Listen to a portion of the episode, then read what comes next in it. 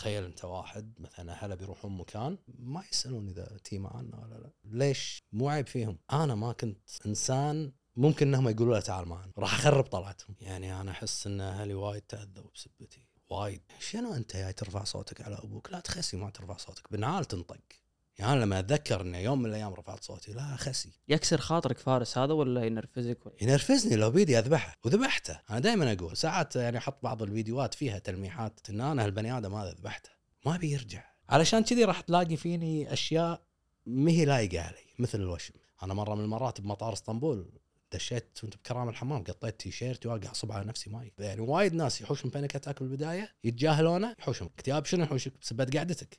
وايد ناس يخلطون بين الحزن والاكتئاب. وايد فرق. المكتئب مو لازم يكون حزين. أنا مكتئب. أنا قاعد قاعد طالع التلفزيون قاعد أضحك على المسرحية. بس أنا ما أبي أطلع ما أبي أسوي شيء ما أبي أي نشاط اجتماعي ما أبي أشوف أهلي ما أبي ما, أبي ما بس قاعد أضحك على المسرحية قاعد طالع بروحي أنا بغرفتي فوق ما حد يدري. لو ثلاث أيام أنام بالغرفة ما حد يدري عني. لين يا يوم دخلت البيت حسيت جسمي مو شايل. قعدت أطرافي كلها تشنجت تشنجت. مو قادر أتنفس. خلاص طحت طحت طحت بالصالة. يلا. قاعد ياذن قوم توضى وصل. شوف شنو شوف شنو بيصير. توضيت صليت المغرب. ثاني ركعة ما قدرت أقوم من السجود. بكي يعني نفضت اللي بقلبي كله. الله يا كمية الحين جسم شعر جسمي قاعد يكش الله يا كمية الراحة اللي حسيتها. ما كملت صلاتي. قمت. من ثاني ركعة قمت. بكيت بكيت بكيت بكيت. يمكن ظليت يمكن ربع ساعة ثلث ساعة. مو قادر أرفع رأسي. من هاليوم؟ والله العظيم والله العظيم. كلمة وجهك مريح أول مرة أسمعها. هني بديت أعيد حساباتي. هني أنا قمت خلاص صار فارس جبال فارس. يا أنت فارس الزين يا أنت هذا. أنت أي واحد فيهم. قسم بالله أتذكر هذا يمكن الحكي مو قاعد حق أحد. كنت واقف جبال المنظره قاعد طالع وجهي قاعد أقول هذا مو أنا. مو عارف نفسي. قسما بالله يعني ما قاعد أبالغ بالموضوع. قاعد طالع بالمنظره قاعد ابكي قاعد أقول منو هذا؟ هذا مو أنت. يعني أنا مرة اتصل فيني واحد قسما بالله يقول لي أنت وينك؟ بي بذبحك والله العظيم. لا أصيدك يقول لي. قلت له شنو شو المشكلة؟ إيش فيك؟ كان يقول لي أنا فلان وأنت قايل القصة ومو راضي إنك تقولها. إحنا أهلهم. وهو قاعد يقول لي حطيت لابتوب بحضني الساعة 4 الفجر. قعدت التلفون قاعد يتكسر. مع أنه الكلام اللي أنا قلته كلامه أه كلامهم هم بالمقابلة. ما زدت ولا شيء من عندي. بس يا أخي احترمت الرجال. لو أنا مكانه ما أبي أحد يتكلم عن أهلي. حتى لو أنا قايل الكلام أنا أقوله كيفي. أهلي. بس أنت كنت تتكلم عنه؟ منو أنت؟ حاضر أنا آسف حقك علي. انشالت القصة وهو معي على الخط لأن حذفت قال لي صدق والله انحذفت قلت له والله انحذفت إيش دورها حذفت يا أخي أنا مو داش هالمكان علشان أسوي عداوات مع الناس القيمة اللي قاعد يقدمها فارس يمكن هذا سؤال دائما إنه وأنت قلتها يمكن قبل ما نبلش إن الناس تقول أنت إيش قاعد تسوي؟ ليش أنا أعطيك هذا الاهتمام؟ وتبي الصدق إحنا أيضا نسمع هذا الكلام إنه والله فارس okay شخص عنده views عنده مشاهدات ولكن مو بالضرورة يعني إنه قيمة. أنت ليش قاعد تسوي هذا الشيء؟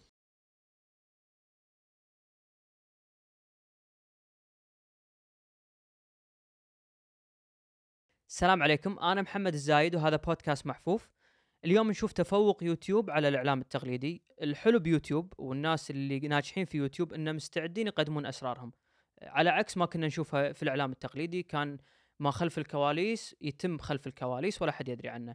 آه، يمكن في لقاءات سابقة استضفنا مساعد الفوزان عبد الرحمن الإبداح من الناس اللي ناجحين في عالم يوتيوب وكانوا كرماء معنا ومع المشاهدين بان آه، شاركونا تجربتهم شاركونا الأرباح اللي ممكن يطلعونها الشغل اللي يحطونه في في برامجهم. اليوم كان معنا فارس عاشور شخص مجرد إنه يسرد قصص ولكن بطريقته بعفويته بمهارته قدر في ظرف ثلاث سنين آه، يكون عنده ما يقارب ثلاثة مليون متابع في يوتيوب. فطبيعي سألنا عن سر هذا النجاح وكان عندنا عدة محاور. ولكن حلو إحنا نستمتع بحلقاتنا لما يكون في محور إحنا نعتقد إن هذا محور ثانوي. ويطغى على الحلقة كلها. آه، فارس من الناس اللي كان عنده الشجاعة والصراحة بأنه يتكلم عن تجربة نفسية صعبة حاشته هو يسميها بالاكتئاب. آه، من بدايتها وشون مر فيها وشون تغلب عليها وشون تمثل اليوم المادة اللي قدمها فارس. أتمنى تستمتعون بهذه الحلقة.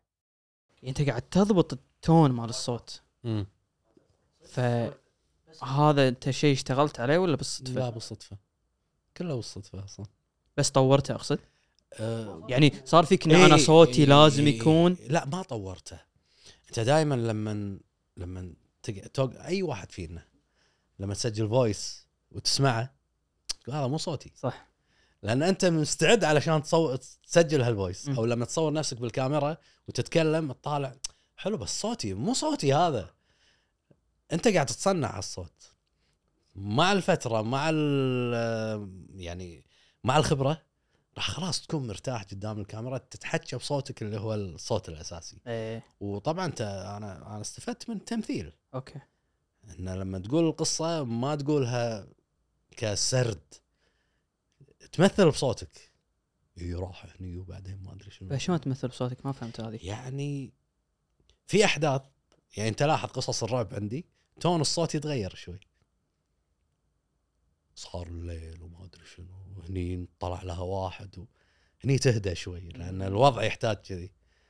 ساعات مثلا أنت قاعد تسولف في واحد عنده مثلا دخل بيده رشاش بيده ما أدري شنو هني أحداث في أحداث قاعد تصير لازم تعطيها حقها. بعدين انت بتقط قطة يتغير الصوت. بس عن- عندك أساليب يعني أدوات ثانية غير إن أنا أعلي وأنا يعني بصراحة يعني اليوم قاعد أسمع فيديوهات عارفين لا الريال فنان يعني مو, مو هذا مو صوته الطبيعي يعني. شوف الحين قاعد نسولف قاعد تسولف عادي. إي. بس عندك ما شاء الله هذه ال- الملكة بالصوت انه قاعد تعرف متى بس ما أدري إذا في شيء غير الصعدة والنزلة ما أدري بوزات في. في في في ساعات أنت مثلا قلت حدث وايد مهم. يعني صار واحد اثنين ثلاث أربعة ها دشيت بحدث مهم بعدين تبي تنتقل لفصل ثاني. أطلع من الكادر كله أدخل من على الجنب. فصلت. فصلت على اللي صار. يعني اللي صار مثلا مثلا في واحد راح وذبح ناس وسوى كذي بهذا سوى كذي بهذا سوى كذي بهذا وخلص الحين أنت بتدش على مثلا الشرطة تطلع تقول هم الشرطة كانوا بالمكان الفلاني قاعدين يدورون عليه بس ما ما, ما يدرون إنه هو بالبيت اللي هناك هني تدخل بفصل ثاني بحدث ثاني صاير بنفس الوقت. عرفت؟ فيصير كذي. طبعا هذا كله تعلمته. طالعت وايد ناس على اليوتيوب. يعني أنا أقول لك أنا يمكن متأثر وايد بالدحيح. أحبه. أحبه. ما شو حد اللي يميزه؟ ما حد يقدر يخليني أتابع فيديو مدته نص ساعة غيره. أنا ما أحب المحتوى اللي أنا قاعد أقدمه ما أحب أطالعه. يعني مو من النوع اللي أطالع المحتوى. طلع معي يعني بالصدفة. فالدحيح هو اللي خلاني أتعمق فيه. هذا شلون قاعد يقول القصة بهالطريقة؟ شلون قدر يخليني أقعد قدام التلفزيون؟ في عنده فيديوهات 50 دقيقة. شلون خلاني أقعد قدام التلفزيون اطالع من غير ما اغير تجربه أنت 50 دقيقة بعد. إيه. في عندي فيديوهات 55 دقيقة تقريبا. وأستمتع فيهم بس المونتاج مالهم يذبح. بس الد- الدحيح شو تحس واللي تميز فيه هو اللي خلاه number 1 يمكن نقول وصل إيه. بس بالسرد وال طبيعي. ريال طالع طبيعي ترى ما يحفظ. وهذا اللي خلاني أنا أخذ جزء من أسلوبه. أنا مو حفيظ. انسى انسى أحفظ كلش. هو تقصد حافظ ولا ارتجال؟ هو شوف اللي إحنا قاعد نقدمه. لازم سكريبت في فيه؟ ارتجال في ارتجال وايد. بس مو ارتجال خا... يعني خارج سياق القصة. ارتجال بالقصة. أنت لما تبي تقول حدث معين فلان أطلق النار على فلان. شلون تبي تقولها؟ أخذ المسدس رفع المسدس حطه على راسه وأطلق عليه النار. هنا أنت قاعد تمثله. قاعد توصل إحساسك حق ال... حق المتلقي نفسه. وهو نفس الطريقة. أه، بنص ال- الموضوع لما يكون جد يفصلك شوي قطه هني قطه هني ضحك شوي علشان لا يمللك. عشان اللي قدامك ما يمل. أنت اذا طول الوقت قاعد تتكلم. رتم واحد هذا. برتم واحد راح ينام. راح يزهق اللي جاي يسمعك. فأنت شلون تخليه تخلي المتلقي صامد معك أنت جاذبه عندك لمدة 20 30 40 دقيقة. بس في اللي يحطك يبي ينام هذول داريهم ما تعلي. صوتك ما ال- اليوم.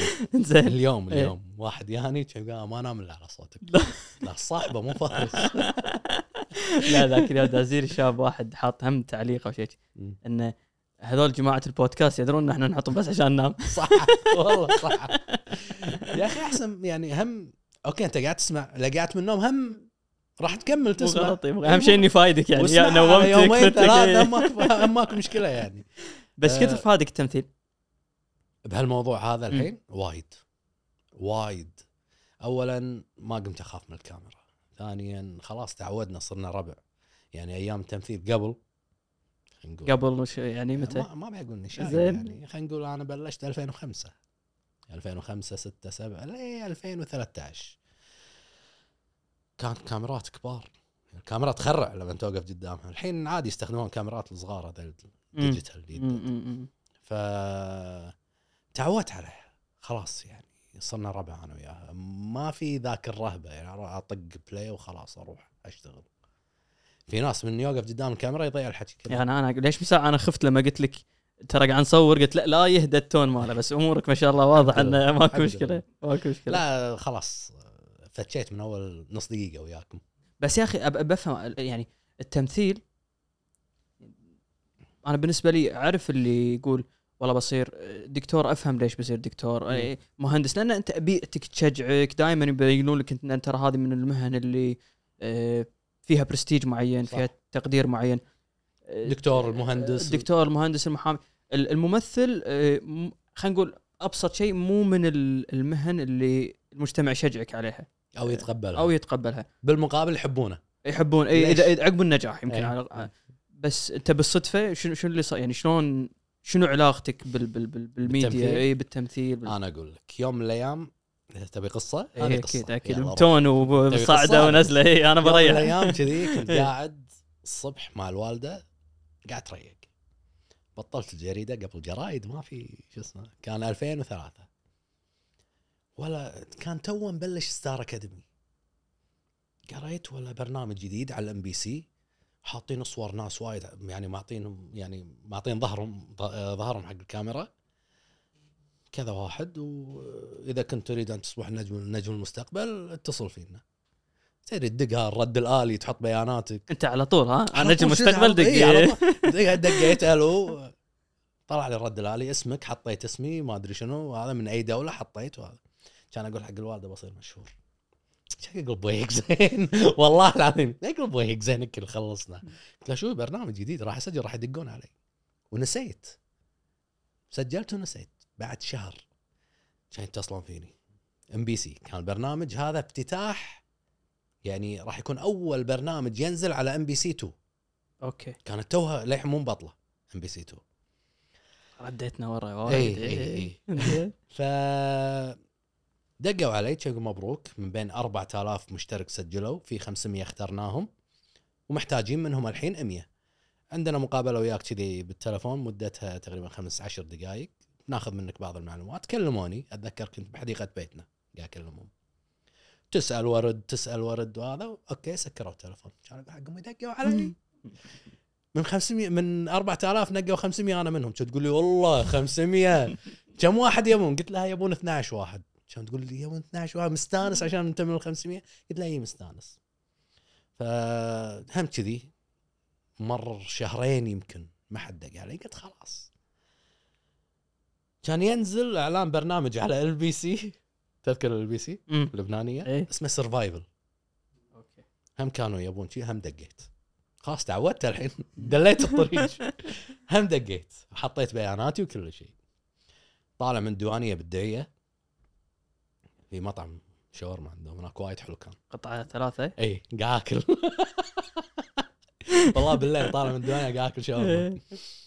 يدقون علي. ألو إحنا معاك MBC. مبروك إنت طلعت من الامية اللي يعني اخترناهم. حلو راح ندز لك راح تروح طيران الشرق الأوسط تستلم تذكرتك راح تجينا لبنان مبنى ال MBC نسوي معاك مقابلة.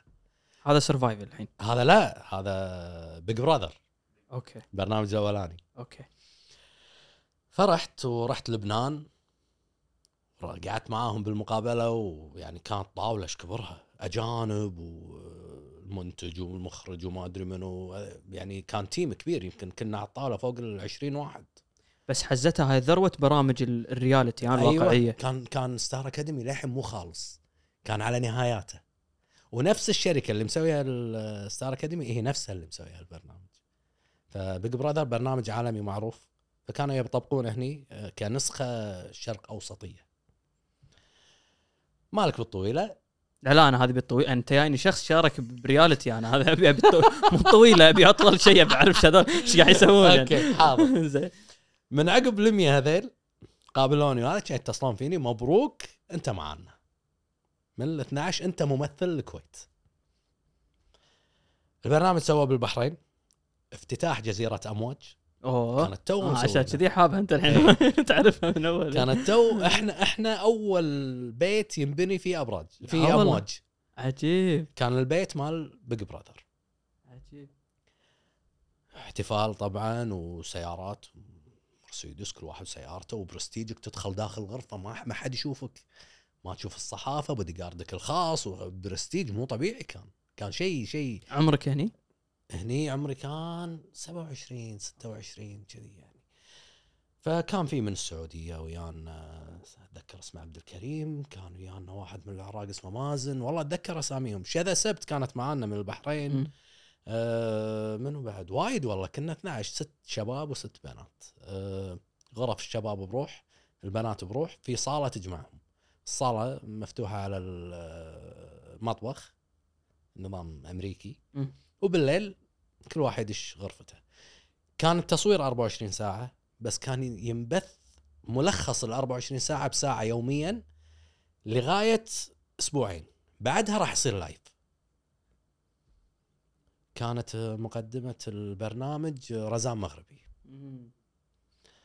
دخلنا عقب الأسبوعين صارت مشكلة كبيرة بين ال خلينا نقول الإسلاميين من هالطرف ومن هالطرف الاثنين من الصوبين. أوكي. فيابوهم يابوهم آه على قول الشيعة والسنة يابوهم قعدوهم اثنيناتهم. قالوا يبا كا شوفوا البرنامج. قعدوا يوم كامل شوفوا. حتى لو تدور بالنت راح تشوف محطوطة صورتهم واقفين قاعد يطالعون الكاميرات. إنه ما في شيء قاعد يسوونه غلط. هم مو راضين لأن الموضوع مو قاعد يصير في راضين ليش البحرين؟ شباب وبنات مع بعض ببيت واحد؟ وبالبحرين؟ مظاهرات و... لا والله. اي البي بي سي تكلمت عنها. إن لأول مرة نسخة Big Brother تتوقف. وقفوه. حزتها أنت إيش قاعد؟ يعني إيش قاعد يدور بمخك إنه غلط؟ صح. ليش صار كذي؟ شنو؟ أنا ما عند أنا مو قصة اللي غلط. أنا على قولتهم أقدمت على شيء وخلاص أكمله للنهاية. أشوف شنو نهايته. أه، هي تجربة كانت. ما أدري إذا استفدت منها ولا لا أعتقد إني ما استفدت منها شيء بس أسبوعين ما يمديك بعد اي إيش إنه تسوي؟ جربت شيء. بس- أقول لك شيء. الأسبوعين هذيلا ما يدخلون عندك لا جرايد ولا تلفون معك ولا تدري عن أي شيء قاعد يصير معك برا. ولا شيء. متعمدين. هم يبون كذي. أنا أبوي وصل لعندهم قال لهم بطلعه.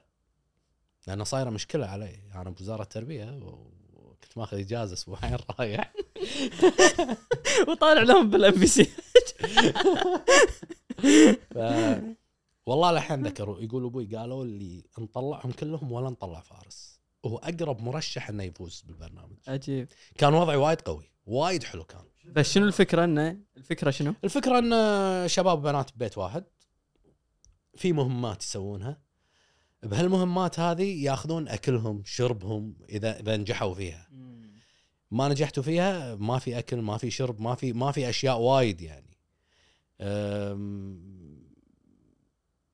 يعني هو برا طريقته غير. إيه. أنت لو تشوف النسخ اللي برا نسخ ما تمشي معنا إيه. وأنا أنا الحين بهالعمر مثلا مقتنع إن البرنامج مستحيل يمشي معنا لأنه معتمد هو, هو أساسا معتمد على العلاقات بين الجنسين بين. الشباب والبنات. غير كذي ما في شيء البرنامج. لو شو تسوي شو هم شلون. كانوا بيمشونه ماني عارف شلون. فاساسا اللي فكر بهالفكرة غلطان. مم. وأنا سيدة رحت شاركت ما أدري ليش. وهذا كان مدخلك على على اي بعدها آه، أتذكر آه، صار يعني صار في عندي علاقات بالوسط الفني. قاموا يعرفوني شوية الناس وهذا فكان في مسلسل ليش ما تيا المسلسل؟ جرب نفسك ما أدري شنو. جربت ومشى الموضوع. كان حلو يعني. آه.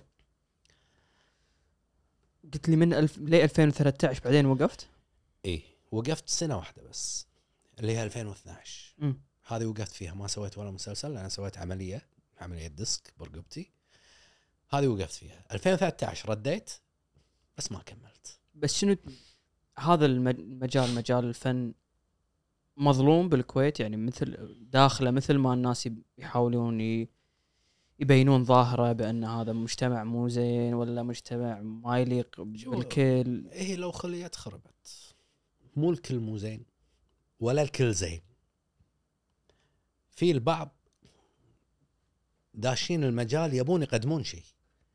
بس في البعض الآخر يعني ما له شغل بالفن أصلا.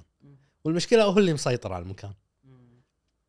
فانت أنت اذا اذا اذا إذا ولد ناس متربي و عندك شوية عزة نفس وكرامة كذي يعني يعني بسرعة تتعور من الكلام أو من من مواقف معينة ما راح تقدر تستمر فيه. يحتاج شوية إنك تنزل. عشان تقدر عشان تقدر تستمر تكمل. من أنت صغير لاحظت نفسك تحب تمثل تحب تسوي شيء؟ ولا- تصدق عاد وأنا صغير كلش ما كنت صوب هالموضوع لأن وأنا صغير كنت آه، ها أنت يمكن ما تدري. راح نفتح باب جديد. الحين احبهم بامانه أنا إيه، يقول وأنا صغير أنا بلشت لعب جودو من من عمري ثمان سنوات. أنا أبوي مدرب منتخب الكويت وإخواني هم بعد لاعبين.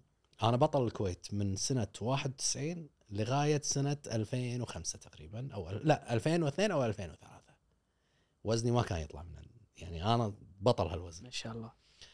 فلأن الفترة هذه أنا كنت لاهي فيها بالنادي والرياضة والجودو والهذا يعني كان ماخذ كل وقتي معسكرات وسفر مع المنتخب ودنيا يعني أنت ما نقيت رياضة ها؟ إن أبوك يعني أبوي كان لاعب جودو أنا طبيعي أنا ولد العود أوكي. كان دائما ياخذني معه. يعني من عمري يمكن أربع خمس سنوات أنا بصالة الجودو افتر يعني مدرسة ما حد يحارشك.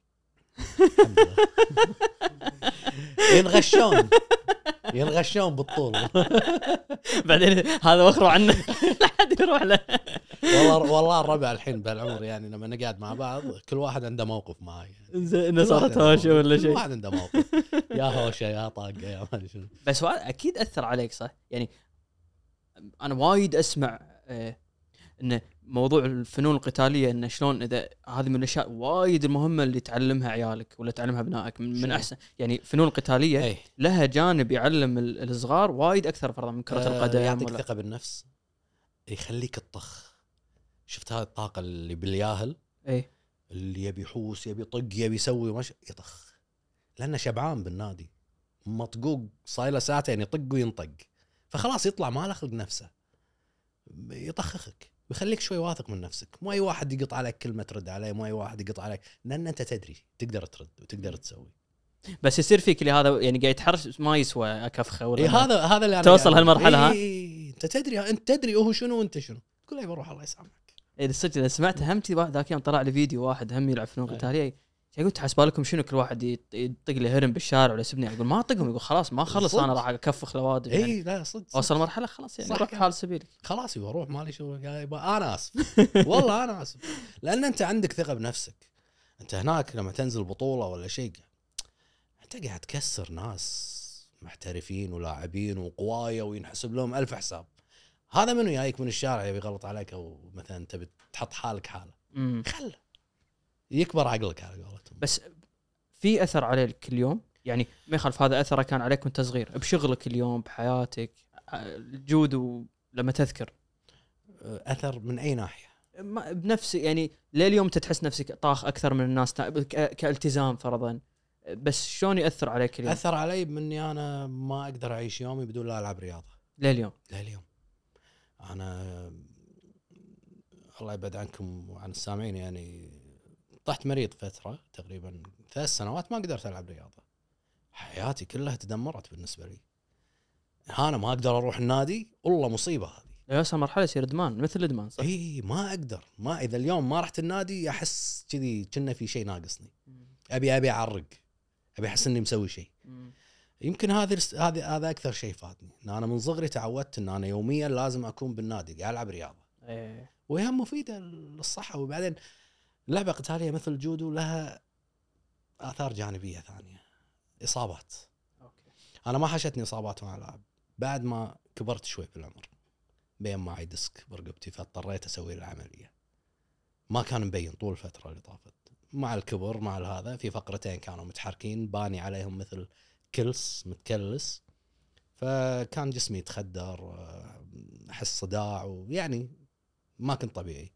فسويت العملية العملية كانت وايد خطرة يعني بالنخاع والدنيا والعمود الفقري وتقريبا فوق الثمان تسع ساعات كانت العملية حاطين لي برغيين الحين مم. إي. الحين لا لا لا لا, لا تقرب مغناطيس. تاذى بالمطار ها لا صدق ما يبين لأنه بلاتين أتوقع أو شي ما يبين أوكي أوكي أوكي ال... أنا ما بقول بدايتك مع يوتيوب يعني أكيد. أكيد عالم ال social media بلشت حالك حال أي واحد؟ مجرد تعرض شيء شخصي ولا شو اللي صار؟ اي أه بلشت 2012 برنامج سميته برن... أه سؤال بريء. كل حلقة عندي سؤال نجاوب عليه ظاهرة صايرة بالمجتمع نجاوب عليها. شيء لفت لفت نظر الناس صار ترند ننزل حلقة عنه. نطنز عليه شوي ونضحك. يعني بأسلوبنا الكويتيين معروفين شلون. حزت هذا بيوتيوب. اي ال views تذكرهم؟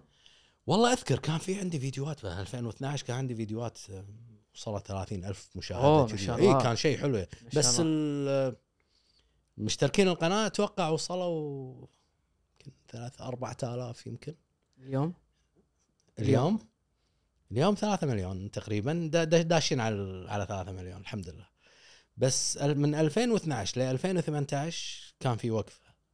وقفة طويلة يعني. أه بعض الظروف صارت وخرت سويت العملية والدنيا وهذا فوخرت. رجعت ب 2018 2018 رجعت أنا كنت بهالفترة هاب بالسفر ما اقعد آه، مدرس ينزل لي معاش أربعة أشهر أطقهم أروح ثلاثة أشهر ما أرجع. من ديرة لديرة. شيء بلش معك فج من عمر ولا فجأة لقيت نفسك خلينا نقول بلش معاي من عقب ما سويت عمليتي من 2013 كذي. دليت الطريق آه، خذت إيدي على Booking وبرامج حجز الطيران أدور طيران رخيص مع آه، فندق رخيص وأروح أحلى الأماكن ب budget صغير يعني آه، مناسب. كانت الفكرة إن أبي أوري الناس يعني أو أعلم الناس شلون تقدر أنت ما بي ما بيعلمهم على طريقة ال hostels واللي backpack ويسافرون ولا اللكجري اللي هم يسافرون يقعدون باحسن اماكن لا أنت موظف عادي أنا حالي حالك اللي هي أغلب شريحة المجتمع. شلون تقدر تسافر أماكن حلوة بدون ما تصرف وايد. يعني سفرتي اليابان قعدت 25 يوم تخيل. اليابان صرفت ألف دينار. منو يتخيل انه باليابان صرف؟ أنا بنفس الوقت اللي كنت فيه باليابان كان عندي واحد من ربع الله رازقه كانت يوميته 500 دينار. ما شاء الله. اي منطقي اليابان يعني. اي مو شوية. يوميته. أنا قاعد 25 يوم ب 1000 لا وقعدت بفنادق نظيفة و آه، رحت ديزني ورحت يونيفرسال وطوكيو وأوساكا وكيوتو يعني افتريت يعني. بس يبي له شوي تعرف وين تروح. شنو تركب؟ قطارات لا تركب تكاسي مثلا. مثلا من المطار أنا أول ما وصلت مطار اليابان وقفت تاكسي كان يقول 60 دينار تقريبا. الله. مسافة نص ساعة طريق. 60 دينار. كان أروح أسأل الموظفه قلت لها يبا أنا رايح الفندق. كم؟ وين أروح؟ كان تقول روح الباص هذا اللي هناك. المحطة مالته الفندق مالك. تقريبا 12 13 دينار. من 60 ل 12 الله. هم وايد ترى 12 13 دينار يعني مو شوية. بس يعني هم أهون من 60 دينار. هذه التجربة كانت هم أنت تبي توريها الناس وقاعد توثقها و... بالبداية كنت أسويها حق نفسي. كان أكاونتي الانستغرام فيه تقريبا 200 شخص ربعي. لما نقعد الديوانية يسألوني ها وين رحت؟ من وين جاي؟ مثلا أي شفناك رايح المكان الفلاني. زين وين تنصحنا نروح؟ ليش ما هذا؟ يعني يوم من الأيام واحد من ربعي يقول فراس إيش حق ما تبطل قناتك على اليوتيوب. تذكر البرنامج اللي كنت تسويه أنت؟ هذا سؤال بريء. وهو لأنه كان معي آه ليش ما الحين تفتحها وتحط فيها سفراتك لا ما ما لي خلق أصور من- شو بالعكس وناسه راح يصير وبدال لا الناس يسألونك أو إحنا نسألك على طول ندش نطالع. فكان الموضوع بيننا. قمت شو أسوي؟ شريت لي كاميرا قمت أسوي مقاطع قصيرة أنزلهم على إنستغرام. أوكي. بعدين لا والله قلت ليش؟ خل أبطل اليوتيوب. أرجع مرة ثانية اشغله كان ادخل على اليوتيوب. أمسح الفيديوهات القديمة كلهم مالت سؤال بريء. كلهم قطيتهم. صفحة جديدة؟ نفتح صفحة جديدة. كان ابلش قلت بجرب الكاميرا حتى اتذكر كنت شاري GoPro ما تنفع قلت غلط ها؟ اي حق سباحة حق شيء بتروح آه، مدينة مائية بتروح مكان تصعد جبل تركبها هذا يعني مو إيه. مو كاميرتك الأساسية. يعني خذيتها صورت فيها vlog الأبراج أول vlog عندي قلت بجربه يلا صورته وهذا طبعا ما حد تقبل ليش؟ إيش تبي أنت يعني؟ ده تقبل كان تعليقات. تعليقات والناس اللي حواليك. لا اللي حوالي يعني معي ومتعودين إن فارس راح يطلع بشيء جديد. اي معي بس أنا كنت بجرب بجس النبض عند الناس. لأن لاحظت أغلب اليوتيوبرز أعمارهم كلهم تحت الثلاثين. أنا الوحيد داش عرض بينهم عمري 40 سنة. زين. خلينا نشوف يتقبلون ما يتقبلون. طبعا خذيت لي حكي وايد. مثل شنو يعني اللي يعني؟ أنت شايبك هني؟ إيش تبي هني؟ ما أدري شنو.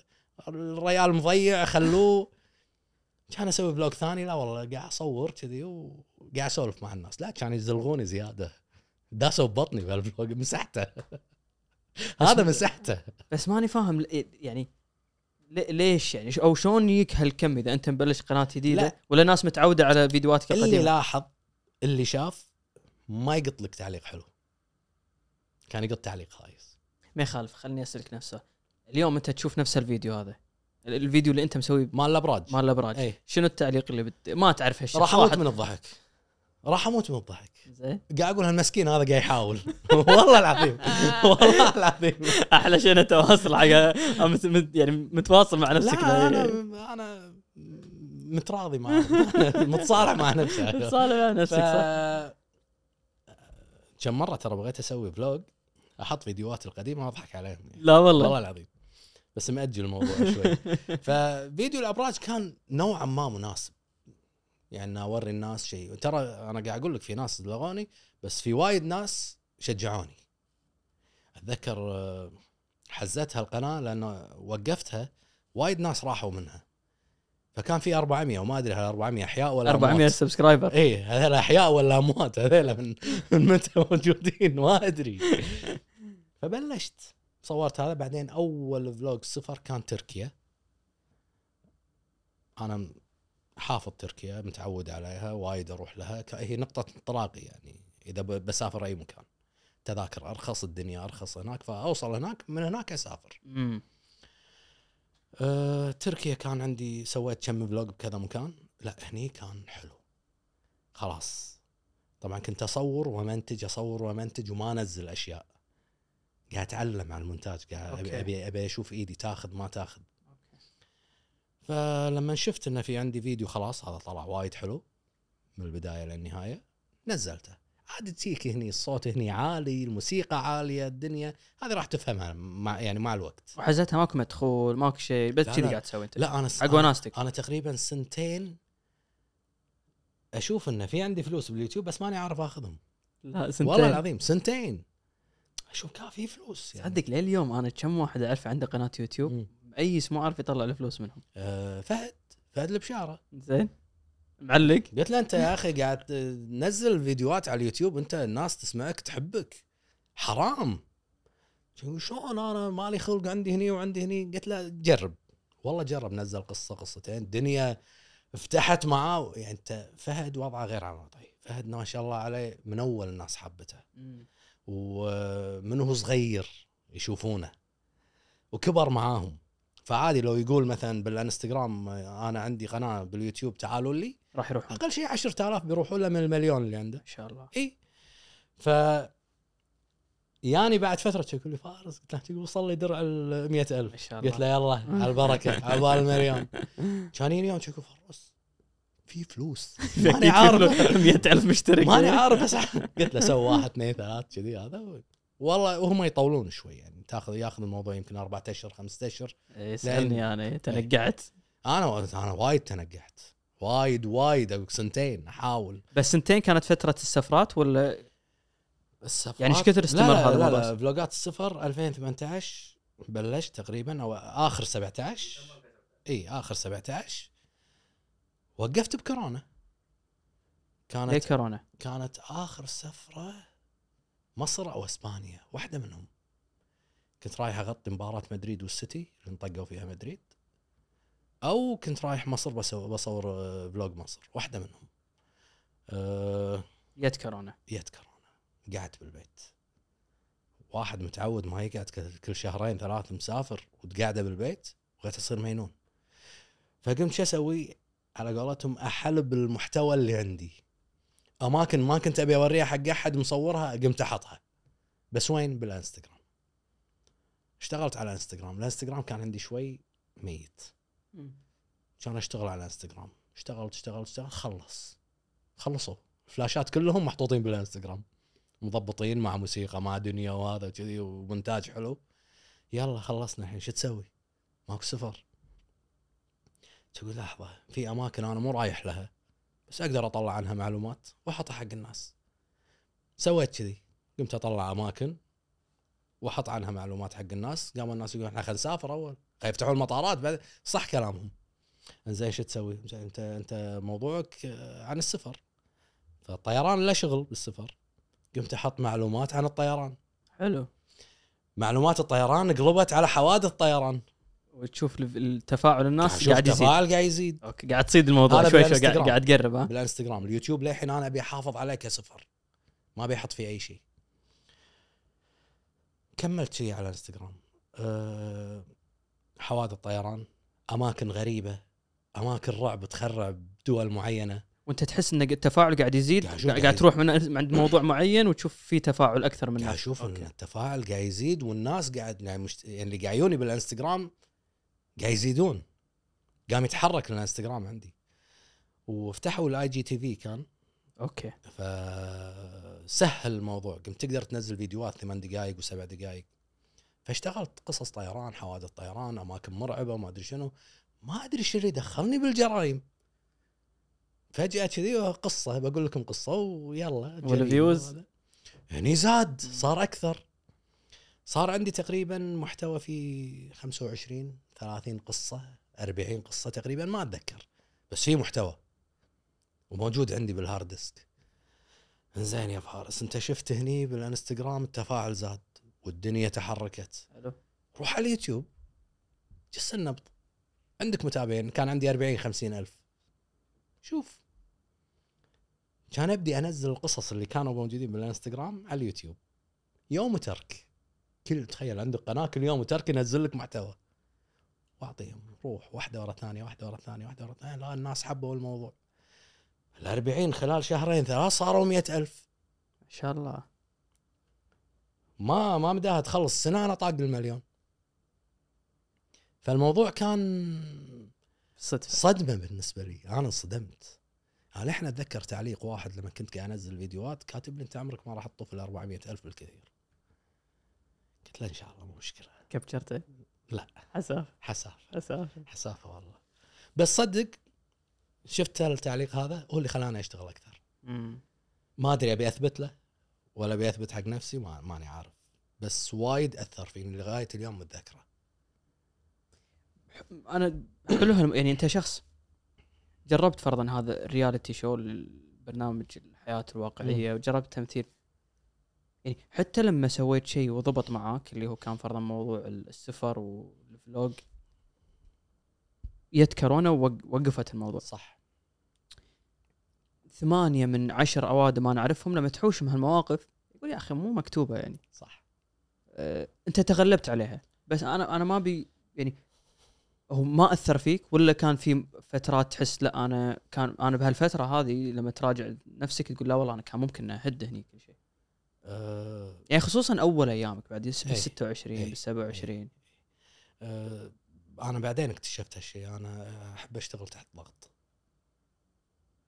أه أي شيء يحوشني يكسرني بالفترة خلينا نقول آخر سنة سنتين ما قام ياخذ مني أكثر من يوم عقبها على طول أقوم مقارنة فرضا؟ مقارنة بقبل شنو تقدر تقول إيش كان يصير فرضا قبل؟ مثلا قبل أنا أقول لك مثال. سنة 2013 أول دور راح يجيني بطولة بطولة بطولة. اشتغلت بروفات مع المخرج وكانت الأمور كلها طيبة. تخيل كان المسلسل بيتصور بدبي. ليلة السفرة كان يدق علي المخرج كان يقول لي ما راح تجي يعني تدري إيش كثر كنت مشتغل عليه؟ ودور مركب ويتأتئ وما أدري شنو في وايد شغل كان ومستانس. خلاص أخيرا بيك دور تبي تثبت نفسك فيه. جاي يتصل فيني المخرج كان يقول قلت له ليش؟ يقول المنتج مو راضي. المنتج؟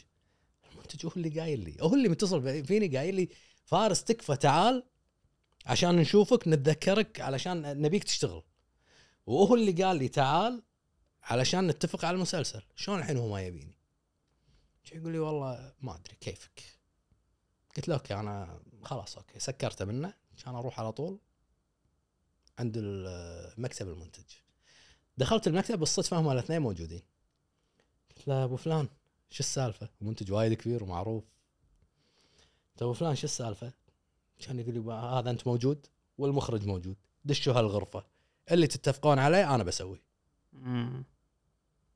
يوم دخلنا الغرفة شو يقول لي المخرج؟ قلت له والله هو منحرج منك. هو ما ينحرج مني أنا أعرفه. يعني كذا مسلسل يقول لي أنت ما تنفع حق الدور. يا ابن الحلال قول لي أنا ما بيك. طالما أنت المخرج مو حابك حتى لو بتقعد غصبا علي بطلعك بصورة مو حلوة. راح يسلقك. بالعربي يعني. شو أنه ما عندك مخرج اليوم ها؟ اي أنا مخرج نفسي. كان أقول له يبا طلعت. السلام عليكم يعطيك العافية يعطيك العافية. تركت التمثيل. تركت شيء كنت وايد أحبه. بسبه هالموقف. اليوم أنا لا. اليوم أنا لو يصير معي شيء ما راح ياخذ مني أكثر من يوم. ياما أدش مثلا أتذكر مرة دشيت كنت توني مسوي استديو الجديد. ولا pipe وأنت بكرامة الحمام اللي بالاستديو ضارب ومغرق الاستديو كله. أوف. توني حاطه توني حاطه أغراضي. مغرق الاستديو كله. نفس اليوم أنا بروحي والله جفزت وشلت يبت وفضيت الماي ونظفت ودقيت على عمال.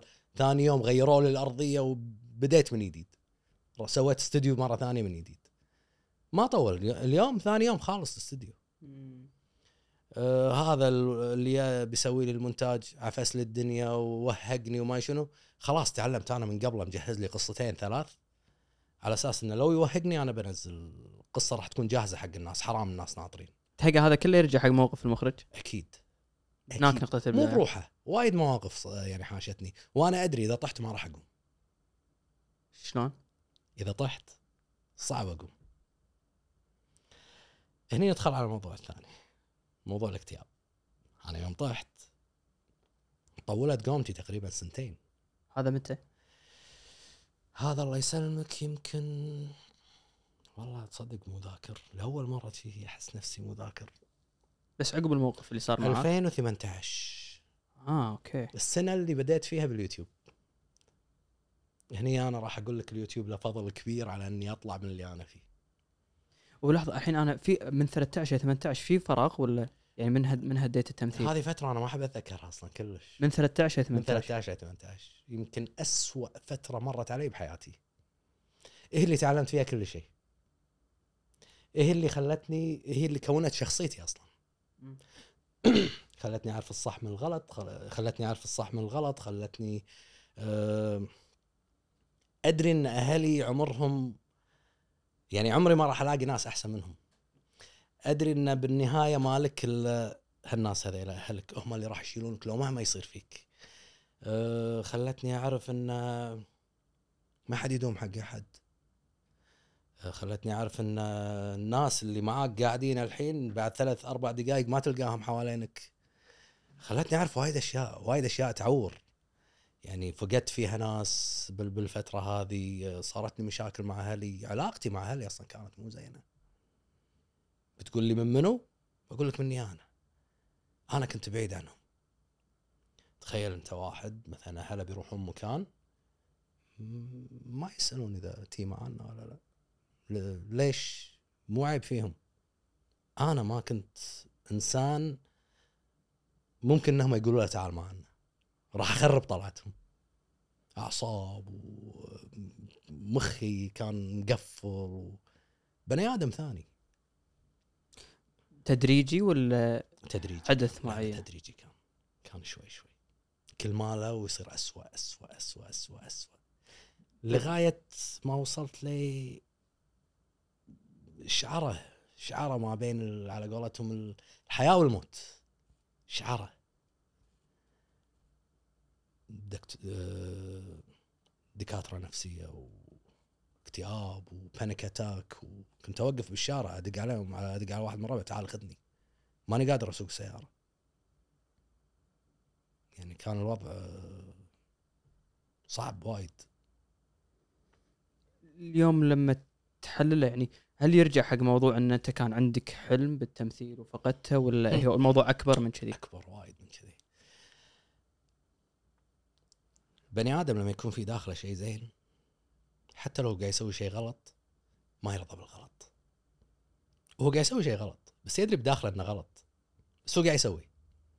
شيطان آه، آه، دنيا ودته ذاك الصوب ما في بني آدم ما يغلط. أنا كنت أسوي أشياء غلط كنت أدري إنها غلط. زين سوي الصح ما كنت قادر. ما. وتدري إن هذا وأدري. إن شيء هالشيء غلط. أنا من بيت تربينا على الصلاة والدين ويعني أهلي مو مو مو متشددين بس يعني وايد عندنا قيم دينية بالبيت يعني لها مكان. أنا كنت أسوي وايد أشياء غلط بس من داخلي أحس إنها غلط. قمت لما اسال لما يعني لما أطلع أو أروح مكان دائما أفكر إنه انت بيصير فيك شيء أنت شو مسوي بدنيتك؟ وين بتروح؟ شلون بتجابر رب العالمين؟ زين سوي الصح مو قادر. فجأة توافى واحد من الربع كنت داز له message. هو داز لي message. الله يرحمه علي. داز لي message.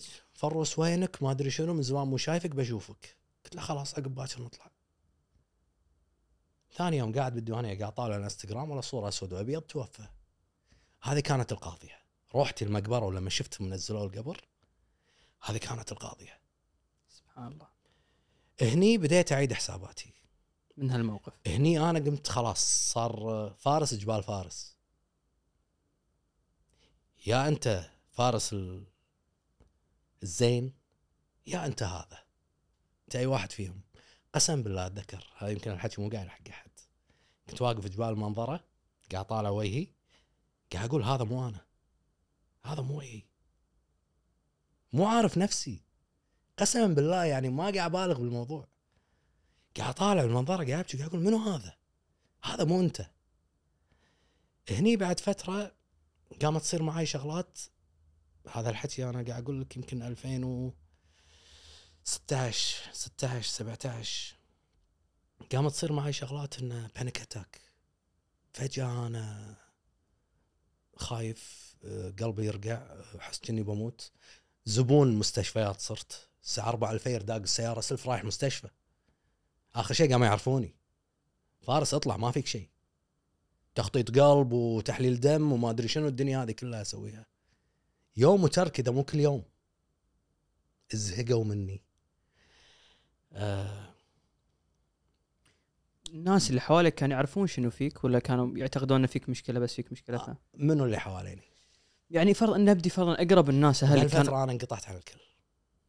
أنا بغرفتي فوق ما حد يدري لو ثلاثة أيام أنام بالغرفة ما حد يدري عني. يمكن أمي تسأل. على مضض على قولتهم لأن ما تبي تلاقي ردة فعل مو زينة مني. أه لين يا يوم دخلت البيت حسيت جسمي مو شايلني. قعدت أطرافي كلها تشنجت.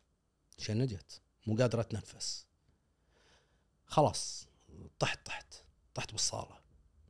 كانوا موجودين أمي وخواتي و... بس ما كان في غيرهم بالبيت. أمي وأختي. حتى أختي الثانية ما كانت موجودة. إحنا في عندنا واحد بفريجنا دكتور من عيال عباد. أبو جابر يا حليل. هذا من أيام من أيام الغزو وهو موجود وهو دكتور بالفريج يعني. شي يدقون علي جاب لي كيس آه، اللي هو الكرتون. قال لي تنفس فيه. أنت صاير معك panic attack وقاعد تتنفس. قال لي الموضوع شلون؟ شرح لي إياه حتى. إن ثاني أكسيد ثاني أكسيد الكربون قاعد يصير أكثر من من الأكسجين فقاعد يصير معك تشنج. ما فيك شيء ترى. تنفست وهذا واتص- واتصلت بواحد من الربع سالم الصفي. الله يذكره بالخير. اتصلت فيه يعني كان هو أقرب إنسان لي. اتصلت فيه وياني للبيت دقوا على الاسعاف طبعا يو خذوني ودوني المستشفى وكان معي وهو قاعد بالإسعاف. هني في واحدة جارتنا قالت حق الوالدة إن في دكتور معين أنا بنتي صار معاها نفس الشيء خلي يروح حق الدكتور. رحت حق الدكتور. قال لي لازم تاخذ أدوية. وأنا كنت وايد ضد الأدوية. في جانب ثاني أنا أقول لك يعني كان في بالفترة هذه قبلها كانوا وايد ناس يقولوا لي فارس ارجع حق. مثلا صلاتي كانت متقطعه كانت تمر علي يمكن شهر ما اصلي صج شوف ما أدري شنو يمكن يمكن أنت بعيد عشان كذي. قاعد أقول لهم مرض نفسي ما له شغل. أنت كنت تدري إنه مرض نفسي حزتها؟ اي اي أدري كنت أقرأ. أنا أنا يعني على قولتهم قارئ شره وايد أقرأ وايد أحب أتعلم. أي شيء يحوشني أدش أقرأ عنه وما شنو. أدري إنه فيني panic attack بس ما أدري إنه فيني depression ما أدري إنه فيني اكتئاب. فكانوا الربع في يعني كذا واحد من الربع يقول لي فارس صار ما شنو. يمكن أحسن تصير يمكن هذا. أقرأ أقرأ تعليقات الناس عن الاكتئاب إذا في واحد. كنت أدش على باليوتيوب على الناس اللي فيهم اكتئاب مرة بتجارب. وايد ناس يكتبون لهم بالقرآن بالما أدري شنو بالهذا. بس أنا عفوا أنت عرفت مشكلتك بس ما كنت تدري شنو حلها. اي أنا عرفتها كنت للحين مو رايح حق دكتور. أوكي. فوايد كنت أسمع قرآن والقرآن والصلاة وما أدري شنو سورة البقرة. كنت أقول له مرض نفسي. شكم مدخلين الدين بالمرض. ما له شغل. شفت عقب رحت الدكتور استمريت تقريبا شهر على الدواء شوي بديت ها ها شوي اصح طبعا طول اليوم نايم طول اليوم نايم. أقعد آكل ورد بسبب الدواء؟ ما له شغل الدواء أنت أنت خلاص مخك. الدواء أنا ظليت آخذه ل- لقبل تقريبا ستة أشهر. كنت أمارس حياتي طبيعية ولا شيء. أنا بدي أنت أنت إذا فيك اكتئاب ممكن تحوشك هذه. أنت طول اليوم نايم مالك خلق شيء. لأني وكان خلاص غرفتي صارت الصالة. أهلي كلهم حواليني. ما شاء الله. أمي وابوي خواتي أختي أتذكر كانت تاخذني توديني ليل للعياده آخذ دواي وهذا وكل شيء أستلم دواي ويشوفني الدكتور ما شنو عقب ما نطلع توديني كافيه أشرب قهوة غير جو كذي ما كنت أطلع وياهم ترى. كلش كلش ما كنت أطلع وياهم. أه كنت دائما وأنا تعبان أدور واحدة منهم واحدة من خواتي. خلتي تقعد عندي. هذا أنا ما كنت أسأل عنهم. خلتي تقعد عندي. كني حاس إن أنا مقصر معاها وأبي أعوضها. فمن تقعد يمي أرتاح. أقولها قاعدة لا تمشين. ابيك قاعدة هني. يوم من الأيام بهالفترة هذه كانت آه، غرفتي الصالة نايم طول الوقت هناك. وأنا منسدح كذي كان يأذن المغرب. قاعد أسمع الأذان. كان أقول أنت الحين قاعد تأخذ دواء. للحين نايم. أنت قالوا لك موضوع الصلاة وقريت القرآن وما شنو هذا. مو مقتنع صح؟ أوكي. جرب. ليش ما تجرب؟ جرب. وأنت جربت الأدوية أنت ما كنت آه، مقتنع بالأدوية وجربتهم. ساعدوك. ساعدوك شوي. جرب. الحين طقيت كل البيبان ما عايزان عن الباب الطقة ليش؟ قاعد كابر ولا شنو بالضبط؟ بس عفوا لما ترد حق هالباب هذا اليوم. تعتقد ليش هذا كان آخر باب؟ يعني خوف منه ولا يعني خوف إنه. إذا إذا إيه مستحي كنت. أنت وايد مستحي تعقب اللي سويته كل هذا؟ جاي الحين تبي شيء؟ وقت ما طحت. كنت دائما أقول وقت ما أصحى بس بس خلاص بصير زين. برجع أصلي وهذا. تستعمل علاقتك مع رب العالمين. ف يومها ما كنت قادر أقوم. يومها كنت تعبان راسي ثقيل. يلا قاعد يأذن قوم توضى وصل. شوف شنو شوف شنو بيصير معك. والله العظيم شفت هذا الحوار؟ هذا الحوار كان أحد قاعد قاعد يكلمني كان. كنت فعلا قاعد أسمع هالصوت. بس داخل مخي. كان أقوم.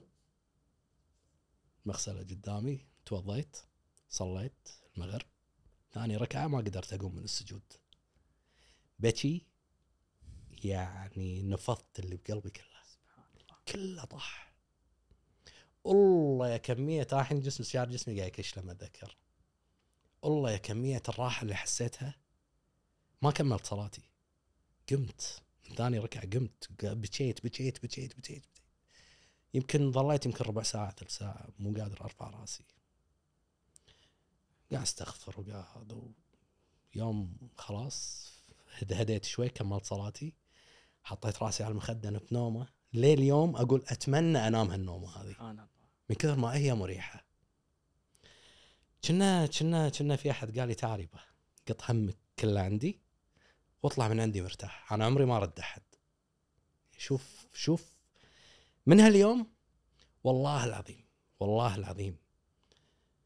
كلمة وجهك مريح أول مرة أسمعها.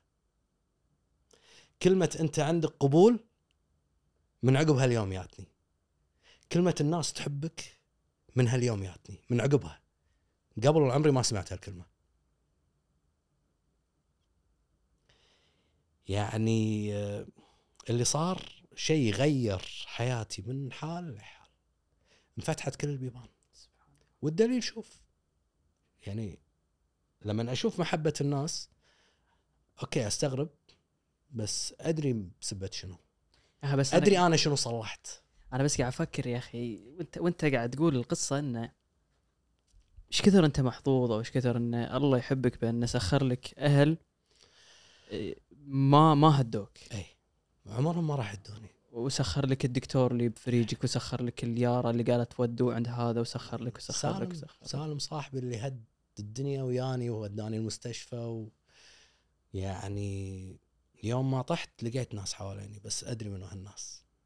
وأدري من الناس اللي كانوا حواليني قبل وما شفتهم. ما شفت رجعت وياهم بعدين. مم. بحزه ما أنا طايح. تلومهم لا. تصدق لا. لانهم مو من الناس اللي الحين أبيهم يكونون موجودين. لأنه مو هذيل اللي أنا أكون معاهم. مو هذيل اللي آه لا لا مو صح. هم مو صح. هم مو صح. 100% مو صح. آه ما اتشرف إنه يكونون بحياتي. وحياتي وايد أنظف. أنا يوم كلمتوني على البودكاست أهلي كانوا ملزميني أنا أكون موجود معاهم بالشاليه. ما نروح إذا أنت مو موجود. من فارس اللي ما من فارس اللي ما حد يبي يطلب وجهه. والله إذا مو موجود راحة. ليه إحنا ما نروح مكان إلا إذا أنت موجود؟ ليه إذا شو أقول لك؟ إذا مر يوم أنا مو متصل أو مو مار أو شيء أنت وينك؟ ليش مو موجود؟ اليوم اللي أنا طلعت من فيه من البيت علشان أسكن بشقتي عقب ما تزوجت. أبوي يلمني ويبكي. يقول أنا عندي كلهم يطلعون إلا أنت. أنت الوحيد اللي قاعد بالبيت ما طلعت كلش. يعني شوف ال... شنو الأشياء اللي تسويها اللي عشان أحافظ على فارس اللي اليوم واللي ما ير... وما يرجع فارس الأولي؟ إنه يتم مثل ما هو. إذا في بيده يعدل أكثر خليه يعدل. أنا بالنسبة لي نحن ما وصلت ل 1% من اللي بعد له. يعني أنا أحس إن أهلي وايد تأذوا بسبتي. وايد. وايد وايد. يعني في أشياء أتذكرها أنا أحيانا ما فيهم شيء. يعني قاعد وياهم وأضحك وهذا فجأة تلاقيني ما أقدر أحط عيني بعينه. هذا تنحش. ليش فارس؟ يعني اليوم إحنا مجتمع لو بجيب أنا 100 اليوم بحطهم مكانك. 99 واحد ما راح يسولف عن هالموضوع. أوكي. ليش فارس اليوم ما عنده مشكلة؟ ما عندي- صريح وقعدت معانا. يعني أنا أنا كنت أكون صريح معك. أنا كنت أدري إنه في شيء يعني حتى لما كنت اتابعك شفت في فراغ. مم. وقلت حتى لو في شيء ما أعتقد فارس بصراحة بيسولف عنه. يعني مو الموضوع اللي أنا متعود انه بيئتنا بمجتمعنا خصوصا شخص ناجح بشيء ثاني. يعني أنت. اليوم مو طالع إن أنا شخص تعالجت لا. أنت ناجح بشيء ثاني ومستعد تكشف عن هالشيء. هذه من زمان واصل لها القناعه ولا شلون شلون ليش ما عندك مشكلة تقول هالشيء؟ ما عندي مشكلة لأن في وايد ناس مثلي يمكن. وأنا متأكد متأكد 100% إن في وايد ناس مثلي. في وايد ناس مستحين يستحي يقول لك أنا قاعد عافس الدنيا وين اللي وي؟ بس لا أقول له الباب للحين مفتوح. حتى لو كبرت حتى لو سويت شنو بلاوي. ترى أنا مواضيعي مع أهلي كلها مجرد أعصاب ويعني عدم توافق أفكار ويعني ما وصلت لي مثلا مخدرات و... لا لا لا ما وصلت. يعني مجرد كانت اختلافات بوجهات النظر وأعصاب وهواش تكبر يعني. شنو أنت جاي ترفع صوتك على أبوك؟ لا تخسي ما ترفع صوتك بنعال تنطق. يعني أنا لما أتذكر ان يوم من الأيام رفعت صوتي لا خسي. يكسر خاطرك فارس هذا ولا ينرفزك ولا ينرفزني لو بيدي أذبحه. وذبحته. أنا دائما أقولها وساعات يعني أحط بعض الفيديوهات فيها تلميحات قديمة الفيديوهات إن أنا هالبني آدم هذا ذبحته. ما بيرجع أنا متأكد إن في وايد ناس مثلي قاعد يغلط ويكابر ويقول طاف الوقت. يقول خلاص بعد. يعني شربت مروقة راحت. جاي الحين أنا بتوب وبستعدل وهذا بهالعمر. لا يمدي. والباب مفتوح. وعمره ما راح يردك. رب العالمين يا أخي أرحم الراحمين. علشان كذي راح تلاقي فيني أشياء ما هي لايقة علي مثل الوشم. مو لايق على شخصيتي كلش. وأنا مو حابه. حاولت أشيله أربع خمس مرات. كل ما أطلع عيادة جديدة أروح. أه يصير مثل جرح ويصير أه مثل الحرق. يطلع ماي وما صديد وما أدري شنو هذا ويرد نفس ما هو. لو بيدي أشيله بس ماني قادر. بشوف أنت بداية الحلقة قلت أنت شا يعني تحب الناس اللي صدرهم وسيع؟ أي. إن شاء الله ان صدرك وسيع صدري وسيع. بس يعني أنت اليوم جاي موجود على إيدك. أي. بغض النظر يعني أنت مساء مساء قلت شغلة أنا بالنسبة لي أنا بس أنا ببين موقفي. أنا أنا اليوم في ناس قد يعتقدون هذا شيء خاطئ يمكن أنت مثلت نفس الفكرة اللي عندي. اليوم لو أنا ميسي قاعد قدامي وحاط أي. وشم ما راح أقول لا أنت حاط وشم أنت شخص مو زين. بس إحنا عندنا هذه الفكرة لأن شخص فرضا من مجتمعنا ولا مسلم ف وأفهم وجهة نظر الناس أفهم ليش يفكرون كذي. بس انت اليوم شخص ما زال هذا الشيء موجود. عليه يأذيك برا يأذيك بشغلك يأذيك آه، آه، ما أدري يعني كلم بصراحة؟ إيه. بصراحة. ممكن. بس بصراحة آه مأذيني بال social media مو بحياتي اليومية. بال social media ألاقي تعليقات وايد. بحياتي اليومية عمره ما حد قال لي شيء. يعني أنا اللي فهم مو فاهمه اذا إذا مأذيك ليش ما غطيتها بال social media؟ ولا أنت عندك إن أنا هذا شيء جزء. مني؟ إيه إن هذا شيء. جزء مني أنا خلاص تبوني إيه. مثل ما أنا. أقول لك شيء ممكن تكفير ذنب. السب اللي أحصله والغلط اللي أحصله يمكن ت... يمكن تكفير ذنب. يا أخي ما يصير أنت تسوي شيء غلط والله ما يحاسبك عليه. يمكن هو قاعد يحاسبني بهالطريقة. كل رحابة صدر. ولا أحترق بنار جهنم يا أخي. والله خلي يقول اللي يقولونه. أه أكلمك بأمانة أنا لي قناعاتي. أنا وايد مثلا ناس قاعدين يجون يقولون لي أنت من المذهب الشيعي وعادي عندكم. أوكي صح. في بعض ال...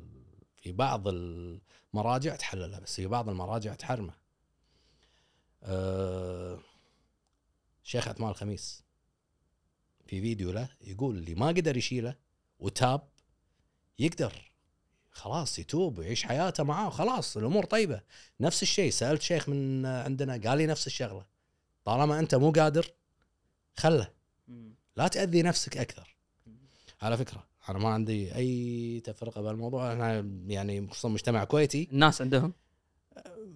أنا بالنسبة لي ما عندي مشكلة. الناس ممكن عندهم مشكلة ما أدري بس إحنا اقصد يعني بعالم ال social media واليوتيوب مو وايد مو وايد. بس بالفترة الأخيرة أنا سويت فيديو أبي أوصل وجهة نظر. هم أخذوا مقطع إني أنا تكلمت قلت إني أنا شيعي ف انشروا وهو يقول ومفتخر بالوشم ما لا لا مو شي الموضوع. شوفوا الفيديو كامل. لا تشوفون هالمقطع الصغير. شوفوا أنا بشنو شنو بوصل لكم. إن ماكو فرق بيننا. إن إحنا إخوان.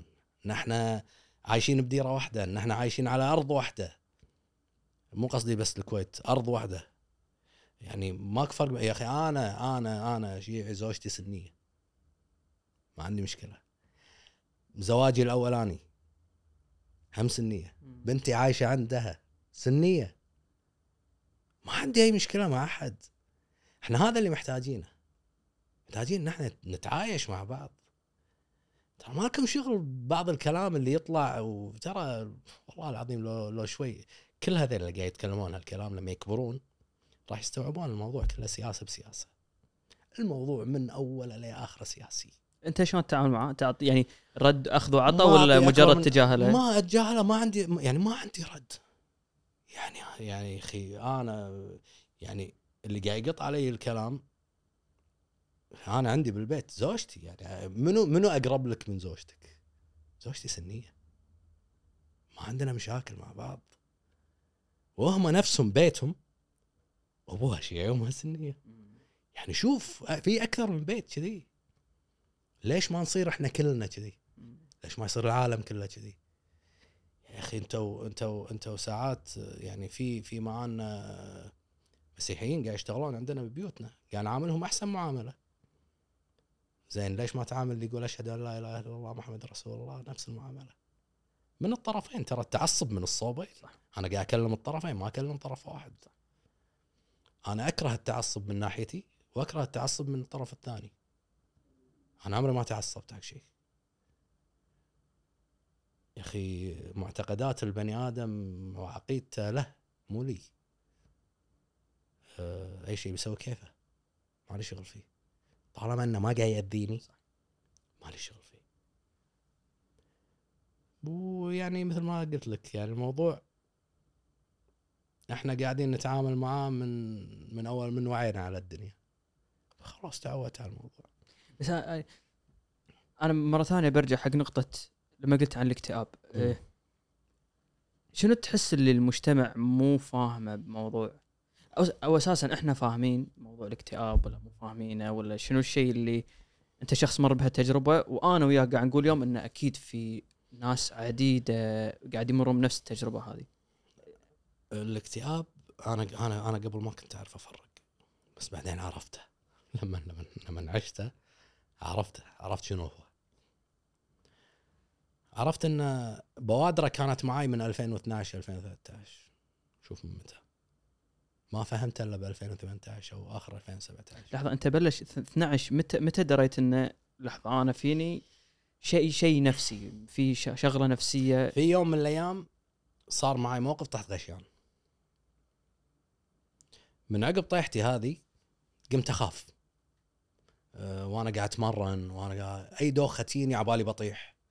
هذه كانت بداية ال panic attack وترى أغلب اللي يحوشهم اكتئاب يكون معاهم panic attack أو بلش ب panic attack اللي هي يسمونها بالعربي نوبات الذعر. قلب يدق تعرق وتحس نفسك خلاص بين الحياة والموت. بسبب موقف معين ولا فجأة ب- بدون شيء بدون شيء أنا الحين قاعد أسولف معاك فجأة تشوفني قاعد أعرق وقلبي يدق وهذا وودوني المستشفى بموت. خلاص انت هني بعدها تكره حياتك. راح تبتعد عن أي موقف اجتماعي. ما تبي تكون بين الناس، ما تبي يصير فيك شيء بين الناس. أنا مرة من المرات بمطار إسطنبول دشيت وأنت بكرام الحمام قطيت تيشيرتي وقاعد اصب على نفسي ماي. بروحي بالمطار من بيشيلني اللي طحت. وايد وايد مؤذية. فأنت تتجنب انك أو تتحاشى إنك تطلع.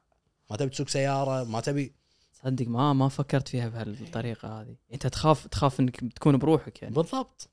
مؤذية وايد مؤذية. هي اللي تسبب يعني. وايد ناس يحوشهم panic attack بالبدايه يتجاهلونه يحوشهم اكتئاب اكتئاب شنو يحوشك؟ بسبب قعدتك. وايد ناس يخلطون بين الحزن والاكتئاب. فرق؟ وايد فرق. المكتئب مو لازم يكون حزين. بدون سبب. أنا مكتئب. أنا قاعد قاعد طالع التلفزيون قاعد أضحك على المسرحية. بس أنا ما أبي أطلع ما أبي أسوي شيء ما أبي أي نشاط اجتماعي ما أبي أشوف أهلي ما أبي ما, ما بس قاعد أضحك على المسرحية قاعد طالعها بروحي. مو لازم قاعد ابكي ترى المكتئب مو لازم يبكي وحزين وكذي. لا لا ما له شغل. فارس اليوم لو موجود معه ياخذ شلون ممكن تتعامل مع فارس القديم ب 2013 2014 يعني إذا أنا شخص قاعد أشوف شخص آخر قاعد يمر بصعوبات نفسية أنت برأيك شلون تتعامل مع هذا؟ يعني تلاحظ أشياء معينة ممكن أنا بالنسبة لي أول نصيحة أقول له روح دكتور أول نصيحة راح أقول له روح دكتور المجتمع ما زال يعني أو متقبل موضوع ليه دكتور متى إحنا بنفكر بالمجتمع؟ ليه متى؟ يعني أنا تعبان مريض مو المجتمع اللي مريض. أنا تعبان أنا قاعد أعاني. ليش ما أروح؟ أنت تدري أنا لما كنت أروح حق الدكتور قسما بالله ماكو مكان، مالك محط ريل. زحمة زحمة يعني أنا أروح قبل المواعيد كانوا كانوا يقولوا لي تعال مبكر عشان دخلك بين المواعيد أروح الساعة 8 أدخل بالعشرة 11 عشان بس واحد يكون متأخر شوي يدخلوني مكانه تخيل أنطر ثلاث أربع ساعات علشان بس أدخل داخل خمس ست دقائق أكلم الدكتور وأطلع سؤال أنا أنا شغلة وايد ناس من اللي يذكرون هالموضوع يعني أنا أنا عندي قناعة بأن أنت مو لازم أصلا تكون شخص مكتئب ولا يعني ممكن تواجه مشاكل نفسية. بسيطة ما ما يمنع ان تروح. تفضفض بس إيه. واحدة من الشغلات اللي وايد أسمعها اللي الناس ما يمكن أنت تقدر تقول لنا إذا صح أو خطأ بس في ناس ما عندهم ثقة بال بمهنية أنا ما أدري. اي بس أنا قاعد أتكلم يعني بدون أي سابق خبرة ولا مم. أتهم أحد بس من الكلام اللي ينسمع انه الناس ما تدري إذا الدكاترة في مهنية إن أنا خصوصا إحنا مجتمع صغير والكل يعرف الثاني من واقع تجربتك أنت؟ أكيد إن هذا شيء فرضا. أنت ما تعم على الكل بس من واقع تجربتك إن هذه المهنية موجودة بأن أنا إذا رحت وشكيت حق أحد مشكلة أو شكيت لدكتور مشكلة بانه تتم عنده هذه المشكلة؟ أنا ماني شايف إن المجتمع بوقتنا الحين عنده مشكلة بهالموضوع. لدرجة إني أنا تكلمت عن الموضوع أكثر من مرة وما حد تحاشاني لأني كنت مريض نفسي أو رحت حق دكتور مثلا. لأن أنا تكلمت عنه ويوم دخلت بيت ناس بخطب ما حد قال لي شيء. أنا ماني شايف إنه في مشكلة. يمكن قبل إي بس الحين وايد ترى الناس تفتحوا. وايد ناس صار عندهم وعي. وايد ناس طلعوا بال social media وتكلموا عن تجاربهم.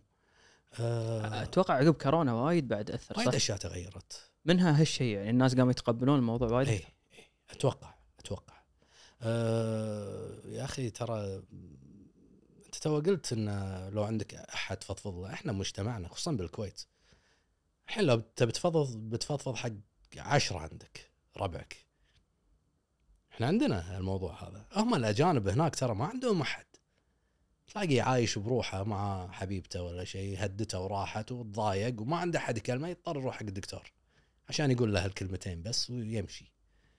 إحنا هني لا والله الحمد لله يعني إحنا بيئتنا وبيئتنا يعني شو أقول لك على قولتهم من الواحد يقول هاي يلاقي مليون واحد يشيلونه. بس أقول لك وجهة نظري إن إن ساعات أنت تبي تفضفض حق شخص مو مرتبط فيك عاطفيا لأن تقول يا أخي بقعد أفضفض له بضيق خلقه وياي. ولأنه عنده ارتباط معاك عاطفي ف تلقى يعطيك حكي يمكن ما يبي يعورك ما يبي يضغط يعني عليك فتحتاج هذا الشخص المحايد اللي ما يعرف منو فارس أي. مجرد يسمع منه ويقول له ترى أنت هذا حلك واحد اثنين ثلاث زعلت عند عندي هني أنت محتاج حق الدكتور. أنت بروحك قلتها. أنت أنت أنت محتاجه. فروح له. ليش ما تروح له؟ هني انت يوم قلت هالحكي انت محتاج تقعد مع شخص محايد ما يعرفك مو مرتبط فيه عاطفيا تبي تفضفض له. هني انت فاهم انت محتاج. هني أروح له. آه، في ناس يقول لك لا أنا شلون أروح؟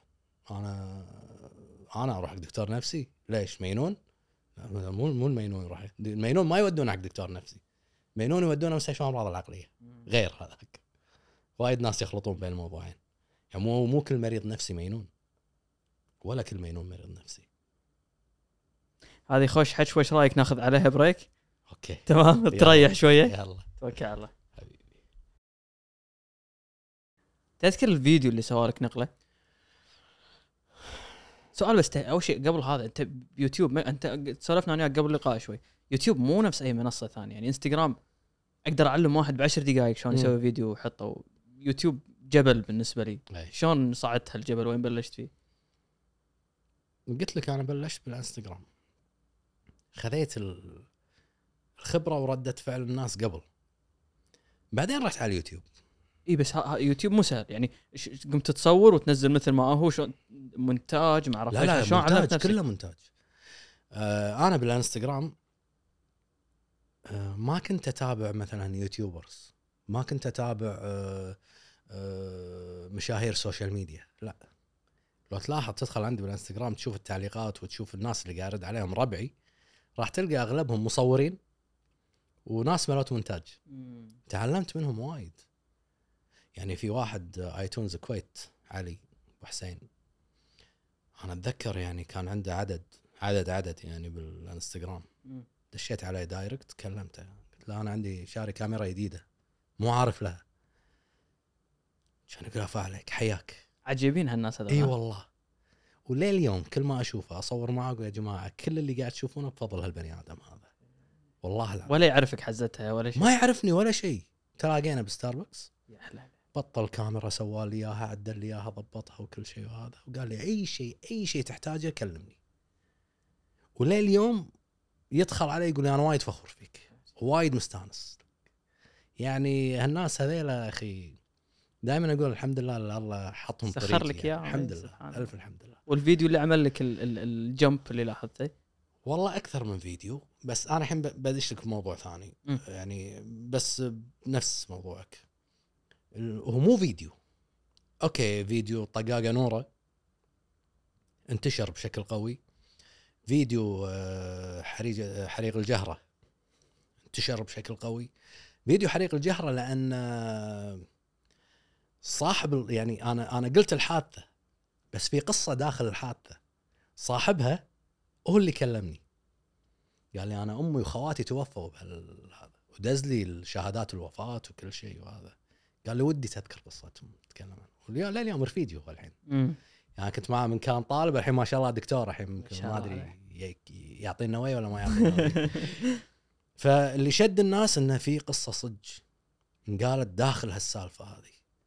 شلون كانوا قاعد يجهزون نفسهم راحوا. في ناس كانوا داخل ناس كانوا برا الخيمة. آه، في واحدة دخلت كانت قاعد تدور آه، شو اسمه أمها وأختها داخل ماتت وياهم. يعني كان فيها أحداث وايد تعور القلب فهذا اللي خلاها تنتشر أسرع. آه، لامست الناس يعني عورتهم. إيه. بس شو أنت أنت ذكرت نوعا ما موضوع ماستر. إيه، وايد ناس تعتب إن اليوم أنا إيش دراني الكلام اللي قاعد ينذكر فارس من وين جايبه؟ مثلا مثلا مثلا خصوصا عفوا إحنا التوثيق عندنا مو فرضا تي تقارنه بال- بالعالم الغربي وإنه. كل شيء متوثق والقصص موجودة عشان أنا أستقصي مصادر معينة وايد صعب خصوصا الناس لهم علاقة بال بالمتوفين أو صح. ايا كان صح يتحفظ على المعلومات صح. فالناس تبدي تشك إنه والله سواء فارس أو غيره من وين قاعد تجيب هالمعلومات؟ شلون أتأكد إن هذا مصداقية لا اولا آه، مثلا قصة حريق الجهرة موجودة بشهادات الوفاة وكل شيء. موثقين. و آه، الشيء اللي خلى القناة تشتهر أكثر هي صارت مثل ما تقول الله سخرني حق هالبني آدم وهالبني آدم الله سخره لي. كتاب الإعدامات في الكويت. دخل علي واحد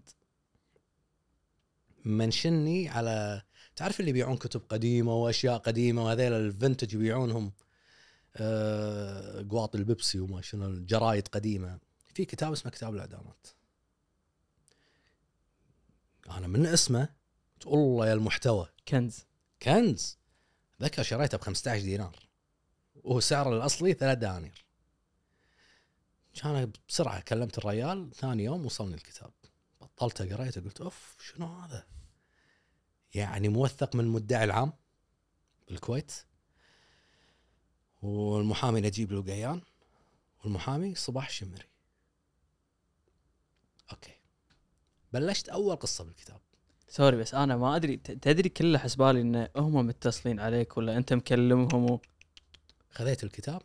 بداية القصة بقول لكم قصة من كتاب الإعدامات في الكويت. طاح بيدي هالكتاب وراح أقول لكم القصص منه. الكتاب هذا مؤلفينه فلان وفلان. صورهم اللي محطوطه على الكتاب حطيتهم. سويت لهم copy وحطيتهم. ثاني قصة ثالث قصة وين اتصال من صاحب الكتاب. صباح الشمري شكرا لك لأنك أعطيتنا حقنا حفظت حقنا نحن كتاب هالكتاب. هذا قاعد نتكلم عقب يعني 20 21 فترة كورونا. okay. بس أنا أبي أعرف الكتاب هذا إيش كثر صار له اللي أنت ممكن أعدت احيائه ولا ممكن الحين أقول لك قصته. okay. شي تمام؟ الحين أقول لك قصته. عجيب إن أنت فاهم المونتاج قاعد تعطيني إياها مرة ثانية. تيك تو ها؟ بحطها هذيك ونوري الناس. إيش قاعد نسوي إحنا؟ فاهم؟ فاهم إي فاهم. ما قاعد تعبني مرتاح أنا مرتاح. يصير فيني إذا في شيء غلط هو راح يقول لي عادي يعني. أنا خلي اليوم كني الضيف أنا. لا يبا لا انت بس مالك اسلم. يحرجني كتاب الاعدامات ها ما هذه بعد. انكشفنا خلاص أقول لك بتنحط كلها اشرب قليلا من الماء المنعش هذه تسويها أنت بداية الحلقة اللي إيه. متعمد ولا؟ أه، مرة طلعت يعني. هي طلعت معي شي عفويا أول مرة وثاني إيه. مرة يمكن. أول مرة بس طلعت ما قاعد تكذب بعد. أنا قاعد أقول دعاية أشوف ماكو ليبل ماكو شيء. أول مرة طلعت معي عفويا. بالتعليقات ضحك عليها واستانسوا عليها الناس. كان أمشيها. كل حلقة بدايتها. الحين أنا زهقت منها خلاص. بغير بغير. إيه. وبعدين فرصة حق اللي يبي يعلن عن أي شيء مشروب ولا شيء عندي إيه ترى وإحنا بعدهم يعني عندنا. يخش في طاوله هني فاضيه نحط عليها شي قهوة ماي عصيركم شيء. خلاص عاد لمتى لا واي واي وايد صريحين إحنا بالقعده هذه نسميها جلسة صراحة. مو محفوفة كلش. ابدا ابدا. إنزين الكتاب كتاب الإعدامات وصلني. كان آه، حطيت ذكرت آه، مؤلفين الكتاب اتصل فيني صباح الشمري شكرا لك حفظت حق- حقنا. في ناس وايد خذوا قصة الكتاب. أنت لما تسمع القصة تشوف سياقها شلون ماشية التسلسل مالها تدري إنها من الكتاب. مم. في وايد ناس متكلمين عن الكتاب ترى قبلي. مم. بس مو ذاكر إنه من الكتاب. هم نفس يوتيوب نفس وما أعرف السياق على. اليوتيوب. نفس السياق نفس التسلسل الأحداث نفس الشيء بالضبط.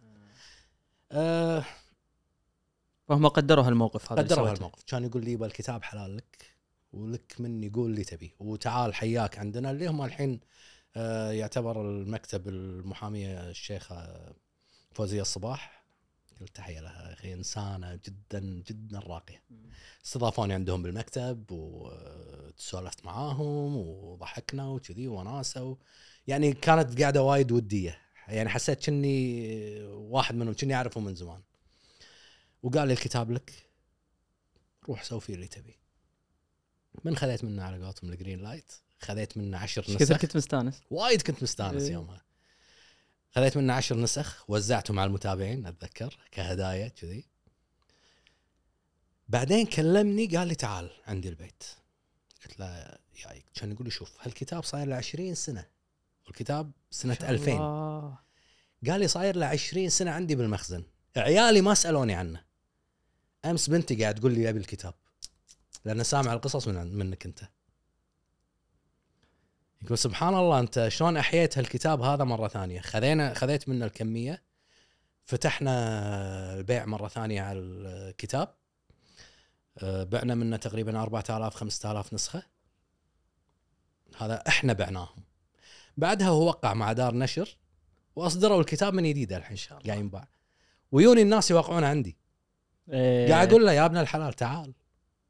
يجيب عندنا تعال عشان أنت تقعد أنت تكون موجود.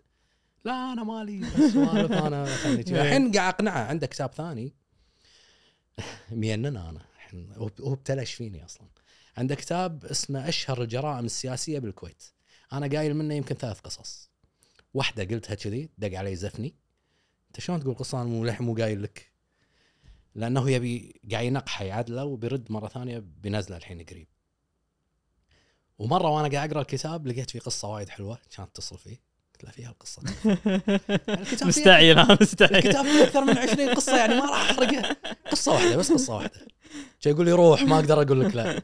كان أصورها اتصل فيني حلوة وطريقتك حلوة. آه خلاص. أي وحدة هذه؟ نسيت والله أي واحدة بس الثالثة اتصل فيه مرة ثانية. مرة ثالثة. إيه، زودتها ها قلت له تكفى طلبتك أدري ما تردني. كان يقول إيش تبي؟ قلت له في قصة ال... اللي هو اللي كان يشتغل بالسفارة العراقية بالكويت. و انقتل أو شيء وطلعوه برا الكويت بطريقة ما أدري شلون صايرة يعني قصة كانت غريبة. اي هذه الثانية. مم. الثالثة اللي اتصلت فيها كانت وايد حلوة. كانت قصة معاق أه، حاشته طلقات بظهره بالحرب الأهلية بلبنان. كان يبي الناس يساعدونه. أه، قام يراسل أه، دول قام يكلم عنده بلبنان يكلم ديرته إنه يساعدونه عشان يتعالج ما حد ما حد معطيه وين مسكين. فتكفلوا بعلاجه ليبيا. يوم راح ليبيا أه، ودوه ما أتذكر وين يمكن لندن أو ما ما, أذكر باريس لندن شيء كذي.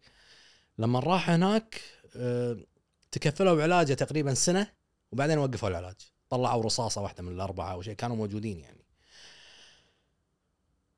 يوم انقطعت فيه على قولتهم السبل الريال خلاص يعني فقد الأمل راح حجز تذكرة من لبنان لبغداد من بغداد ل الكويت أعتقد.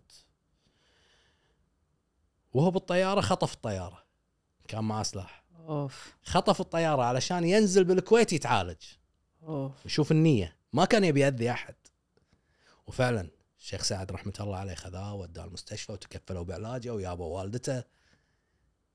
فالقصة كانت وايد حلوة وايد مؤثرة. يعني تخيلوا واحد يخطف طيارة علشان يقول معاناته. مو علشان يأذي أحد فترجيته وخلاني أقول. فالحين في بعد قصة ودي أدري بيزفني ما بس ما راح أخليه. خلاص مسخت عاد. لا أنا أنا أنا قاعد أفكر بشغلة. يعني إذا زينه أبي منها 1% بس. شنو؟ يا أخي ليش ما تقرأ كتبهم تسوي كتاب صوتي؟ أنت بصوتك. كتاب صوتي؟ يعني أنت اليوم كتاب صوتي بدال طبعه واوراق ما. يعني قاعد اتخيل هذا الكتاب إذا عليه هذا الإقبال أنا أسمعه بصوت فارس عاشور. في ناس يحبون يقرون حلو عليهم بالعافية. أي. بس هم في يعني ناس مش بط كمية يعني أنت المستقبل رايح هناك صوت راح أسوي البودكاست صح؟ فكر فيها. إيه، مو بودكاست بس آخذ كتاب. عرفت ال- المكتبة ملف كتب إيه، صوتيه ملف صوتي كتب صوتية. أنت تقرأ الكتاب صوتك بطريقتك. والله حلو. اي وأبي 1% أنا يعني 1% عشان الفكرة بس ما أبي وايد. أعطيك 2% والله بس. شنو؟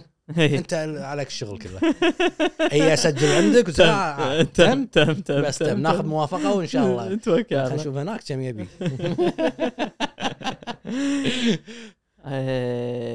إحنا كنا قاعد نتكلم. اي أبي بس مرة ثانية أرد على يوتيوب آه، سؤال أنا كل شخص يعني كمساعد فوزان الجماعة اللي قاعدوا معانا لهم شغل يوتيوب أسألهم نفس السؤال. وأبيك تكون صريح معي أكثر ما تقدر. في مساعد جاوب صراحة. مساعد إي مساعد. شوف مساعد فسر آه، كان شيء وايد حلو. إن شاء الله إنك أنت يعني تكون كريم مثل إن مساعد شاء الله. أب... في بيزات يوتيوب. أي. عطنا ال- اللي خلف الكواليس. قاعد شنو شلون طريقته؟ شنو ال... شوف أنا أنا مرة اتصلت بمساعد. مساعد صديق يعني. وحبه وايد هالولد. أه مجتهد. أه تعب على نفسه. ويستاهل كل خير. مرة اتصلت فيه عشان بعرف شغلة والله وضح لي إياها يعني كمشاهدات وفلوس وكذي أنا للحين مو فاهم للحين. موضوع غريب عند اليوتيوب. يعني صاير نفس البورصة. أحيانا أنت منزل فيديوهات ومشاهداتها قوية الفلوس تنزل. في شيء يا إما الفيو يا إما عدد الساعات يا إما أو أنا أتوقع كل شيء مرتبط بشيء. اللي صعد الفيو مع عدد الساعات مع عدد المشاهدات هني آه، هني يصعد الريت عندك. أو ينزل. أنا الحين منزل قص قصتين أو ثلاث يمكن فوق النص ساعة. ومشاهداتهم طايفين المليون. عندي الريت قاعد ينزل. ليش يعني؟ يا أخي عطنا أرقام يعني. يعني أنا دائما يجيني السؤال إنه أكثر من معاش الحكومة. أبي بمليون يعني أنت اليوم تنزل حلقة مليون هذه كم تجيب؟ ما له شغل. وهو ياخذ على total القناة. مساعد يقول لا. يقول على ال view على الفيديو. أنا أقول لا. أنا من وجهة نظري اللي أنا شايفه قاعد يحصل ياخذ على total شغل القناة شلون؟ حتى إيش كثر ناس قاعد تدخل؟ وإيش كثر ناس من برا القناة قاعد تدخل؟ اللي أنا أنا اللي قاعد أشوفه إذا جات المشاهدات وايد من ناس مو مشتركين عندك الريت يرتفع أكثر. إيه صح. ف بتسألني عن المبلغ أكثر من الحكومة. يعني ممكن يكون معاش دكتور أكثر شوي. واللي مو معانا بالكويت كم معاش الدكتور؟ أكثر. شلون يعني مو يعني كم أنت قاعد تقول معاش دكتور بس في ناس ما تعرف معاش يعني الناس من بلد ثانية تطالع معاش, ال- معاش وزير. إيه، ولا يعرفون معاش الوزير. لا لا لا لا أنت ما مو صريح نفس المساعد ليش؟ طوف لك اياه بس مو صريح نفس المساعد قاعد يعني قاعد أقول لك معاش دكتور شنو أكثر من شيء صراحة؟ ما أدري يعني اللي ادخل على اللي. قاعد يطالعك من مصر ما عن يدري كم- جوجل عن جوجل قول له كم معاش دكتور بالكويت يقول لك. منو منو يطالعك؟ يعني انت اليوم هم هذه من الأشياء الحلوة بيوتيوب إنه يقول لك أنت ترى تركز على اشياء ان أنا بعرف منو جمهوري كم عمره من أي بلد قاعد يجيني إيه. بال بال بال- بالبداية لا ما كنت أركز. بعدين لما زاد العدد قمت وايد أركز على الموضوع. لأن شوف أكثر يعني ال ال شو أقول لك؟ العدد الأكبر. اللي هم من 18 ل 25 هذا اكبر شريحة. أحسن شريحة على قولة مساعد مم. وبعدها يون اللي هم من ال 30 لل 45 شي هذول شوي ربعي. امم ربعنا. اي إيه. أنت بعد؟ أنا وربعكم هلا والله هلا فيك؟ ما يبين. ما يبين ما شاء الله. لا إله إلا الله. إنزين ولا ما شاء الله روحك أصغر. الله. يسلمك. حبيبي أنت. احرجتني ما نكتة منحرجين يعني كل شيء قاعدين أنا وياك. وبس أنا مصدوم. أنا أتذكر لما بديت أطلع شوي برا أنا بالعادة كلها قاعد أنا كورونا و24 ساعة قاعد بالبيت. حتى بعد كورونا يا مسافر يا قاعد أشتغل على محتواي. فأتذكر مرة من المرات طلع طلعت رحت مجمع 360 وصدمت من كمية اللي أعمارهم على 10 سنوات و12 سنة. يوني ركض. يلمني و... لا هذا متعلق صدق. أنادي ابوه تعال يبا. انت قاعد تشوف إيش قاعد يطالع. انت تدري إيش قاعد يطالع؟ يقول إيه، إحنا نطالع معاه. أحلى شيء آه، ان انت أوكي. إن أنت صريح معاه ما تحتاج أقول له إيه. والله أقول لك أنت تدري ولدك إيش قاعد يطالع؟ يطالع جرائم. ما يخالف. أنا قاعد أطالع معاه. أقول له زين بس دير بالك عليه. أقول له يقول لي أوكي وهذا أصور وياه هذا انتهى الموضوع.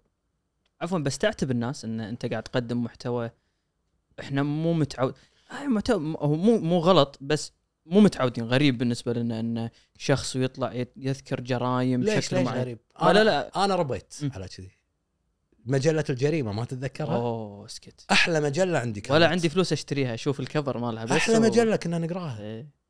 كلها جرائم وكم كانت أعمارنا؟ 14 13 14 بهالعمر أنا من مجلة ماجد للجريمة. وجريمة يدخل لك ممثلين مساكين ما ليش يحط إيه. فلان الفلاني إيه. شكون زين يعني مسكين ما أدري. بدر عبد العزيز. الله يذكره بالخير.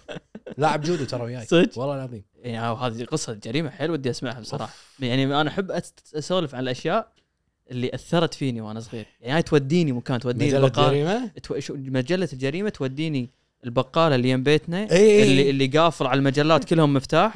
وأنا ما عندي فلوس أساسا أشتري مجلته. وأبوي إذا شافني راد البيت بهالمجله بيكفخني فأطالع الكفر مالها بس.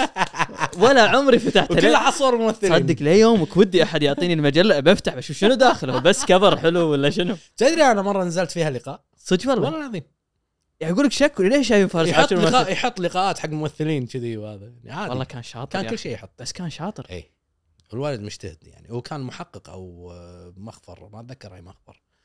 وبهالفترة هذه سوى المجلة. يعني تدري هذا لو ماخذها يعني من زمان بس لو لو صايد ال- اللي قاعد التغيرات اللي قاعد تصير ومسوي الجريمة مجلة الجريمة account انستغرام أي. كان كان اليوم يعني شيء يكسر يكسر الدنيا. إي. سابق يعني الناس كلهم كان كان سابق الناس بوايد. يعني أنا كل كل ما أحد يقول لي أنت ليش دخلت بعالم الجرائم؟ أقول أنا أنا عندي خلفية. عندي مجلة الجريمة كانت شيء وايد wow عندي. مم. فهي اللي خلتني أروح حق هال أحب يعني الموضوع فبالنسبة لك إن إحنا من زمان هال- نفس هالمادة هذه عندنا فأنا ما قدمت شيء جديد. ما قدمت شيء جديد. أنا قدمته بس طريقة متطورة. بعدين حاط بقناتي القناة غير مخصصة للأطفال. ثاني شيء إذا في عندي قصة فيها أحداث وايد تعور تعور الأذن أقول لهم. لا بالبداية. إي أقول لهم ترى اللي ما يتحمل لا يسمع. اللي فيه أطفال اللي فيه يمه أطفال خليه يوخر. بس أنت قلت شغلة بداية اللقاء ما أدري لها علاقة قلت أن أنا ما أحب أطالع نوع المحتوى اللي أنا أقدمه. ليش؟ أه ما أحب أحط واحد قاعد يسولف. آه okay أنا حسبالي إنه ما تحب جرايم وهالأمور. لا لا أحب. اي okay okay. أطالع documentary أطالع شيء وهالسوالف هذه بس إنه واحد قاعد ويسولف ما يصير. ما أحب. ما يصير. والله ما أحب. شو أسوي؟ ما أحب. ما أعرف بس الدحيح. الدحيح ممكن لأنه م- يا أخي هايبر مو مو مو راكد. تحسه يشبهك؟ بس آه، تعلمت منه. وايد تعلمت منه. دحيح ما حد يشبهه. غير عالم ثاني. ما مو صاحي بس هم شوف في شغلة يعني مرة ثانية إحنا مجتمع صغير والكل يعرف الثاني ففي ناس اليوم شلون تأكد إن أنا لما أذكر؟ يعني خل أعطيك حادثة معينة ها؟ أنا شخصيا عشتها. غلط صح أنا مو قاعد أقدم فيها رأي بس شيء شفته. مهم. واحد من الناس اللي هم يقدم قصص جرايم الناس المعروفين هم أيام كورونا تذكر أيام شو اسمه؟ اللي كانوا يفتحون room شو اسمه شو اسمه؟ آه، Clubhouse Clubhouse فكانوا مستضيفين هذا الشخص. آه، طلع من أحد اللي موجودين السبيكرز كان يقول أنا شخص أتابعك. وانت ذكرت الشغل الشغلة الفلانية بمحل ما أدري شنو واحد مباق مات قال له عدل. قال له أنا ابن الشخص اللي مات وأنت عندك معلومة واحد اثنين ثلاث أربع قلتهم عن أبوي مو صحيحين. فأنا شلون أتأكد بأن أنا ما قاعد أظلم أقارب المتوفي ما قاعد أقول أشياء مو صحيحة ما قاعد أقول أشياء هم ما يبونها تطلع؟ شوف إذا أنت تدور الترند راح تتجنى حتى على المجني عليه. عشان تطلع قصتك توصل أنا دائما أدور على المصدر ومصدر يكون وايد موثوق اللي ألقاه مثلا بمجله أدور عليه أخبار بال باليوتيوب أخبار الدولة نفسها إذا ما كانت بالكويت يعني. أه، أدور على أكثر من مصدر لما ألاقي عندي عشر مصادر وكلهم متفقين على شغلة آخذها. إذا لقيت من هالمصادر اللي أنا طلعتهم مصدرين ثلاث ما ذكروا هالنقطة هذه ما أقولها. ما أقولها. ثاني شيء أقولها نفس ما هي. ما تبهر. ما ألف. خصوصا بالجرائم العربية. إيه. الجرائم الأجنبية سأقط عليهم أضحك عشان أنا أستانس آخذ راحتي. آه، الجرائم العربية أدري انه راح يعني في ناس راح يتعورون. أنا في قصة قلتها عن البحرين. في واحد بحريني آه، هو مو مجرم. طلع من البحرين حالته حالته المادية تعبانة وصل الكويت مواعدينه بشغل ما اشتغل ما عنده فلوس دخل آه، محل الصراف و آه، بيده السكين ناوي إنه يبوق. صارت هوشة بينه وبين الصراف قتله. ما قلت أكثر من كذي. ما قلت هذا هذا الخسيس ما أدري شنو أو هذا الما القاتل المجرم. ما القاتل المجرم ما قلت كذي. والله يا التعليقات اللي جات من البحرين يعرفون هالشخص. إن هالشخص هذا طيب ومن أحسن الناس وجيراننا وكان كذي وكان كذي وكان كذي. ما حد ذمه. فأنت كان ممكن تغلط غلطة كبيرة لو- ممكن. إيه. أنت لازم تحسب حساب هالشيء.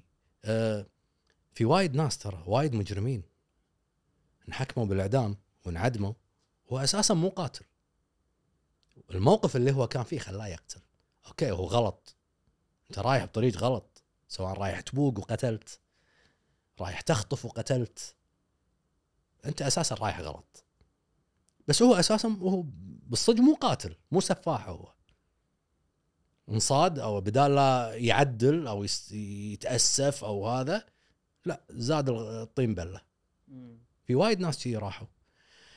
هذيلا آه، ممكن يكونون مع أهلهم وايد زينين مع جيرانهم وايد زينين. أكيد بيمدحونهم غلطة كانت بس. غلطة كانت بحياته وخذها خلاص بيتعاقب عليها انتهى انتهى الموضوع انت غلطت راح تتعاقب بس ما يمنع أنه كان قبل لا يغلط هالغلطة كان إنسان زين ممكن. مم. ممكن بلحظة ضعف غلط هالغلطة. حلو إن أنت حاط هالاعتبار هذا. لازم. وترى عندي أنا قصتين ثلاث آه، حذفتهم من قناتي. السبب بناء على طلب أهاليهم. تواصلوا معي واحدة من السعودية وثنتين من الكويت. مجرد ما كلموني حذفتهم. يعني في قصة قلتها كان فيها شخص قالوا لي مسافر علاج مع بنته أو شيء كذي. ما نبي يرجع يلاقي القصة منتشرة وتعيد شريط ذكرياته.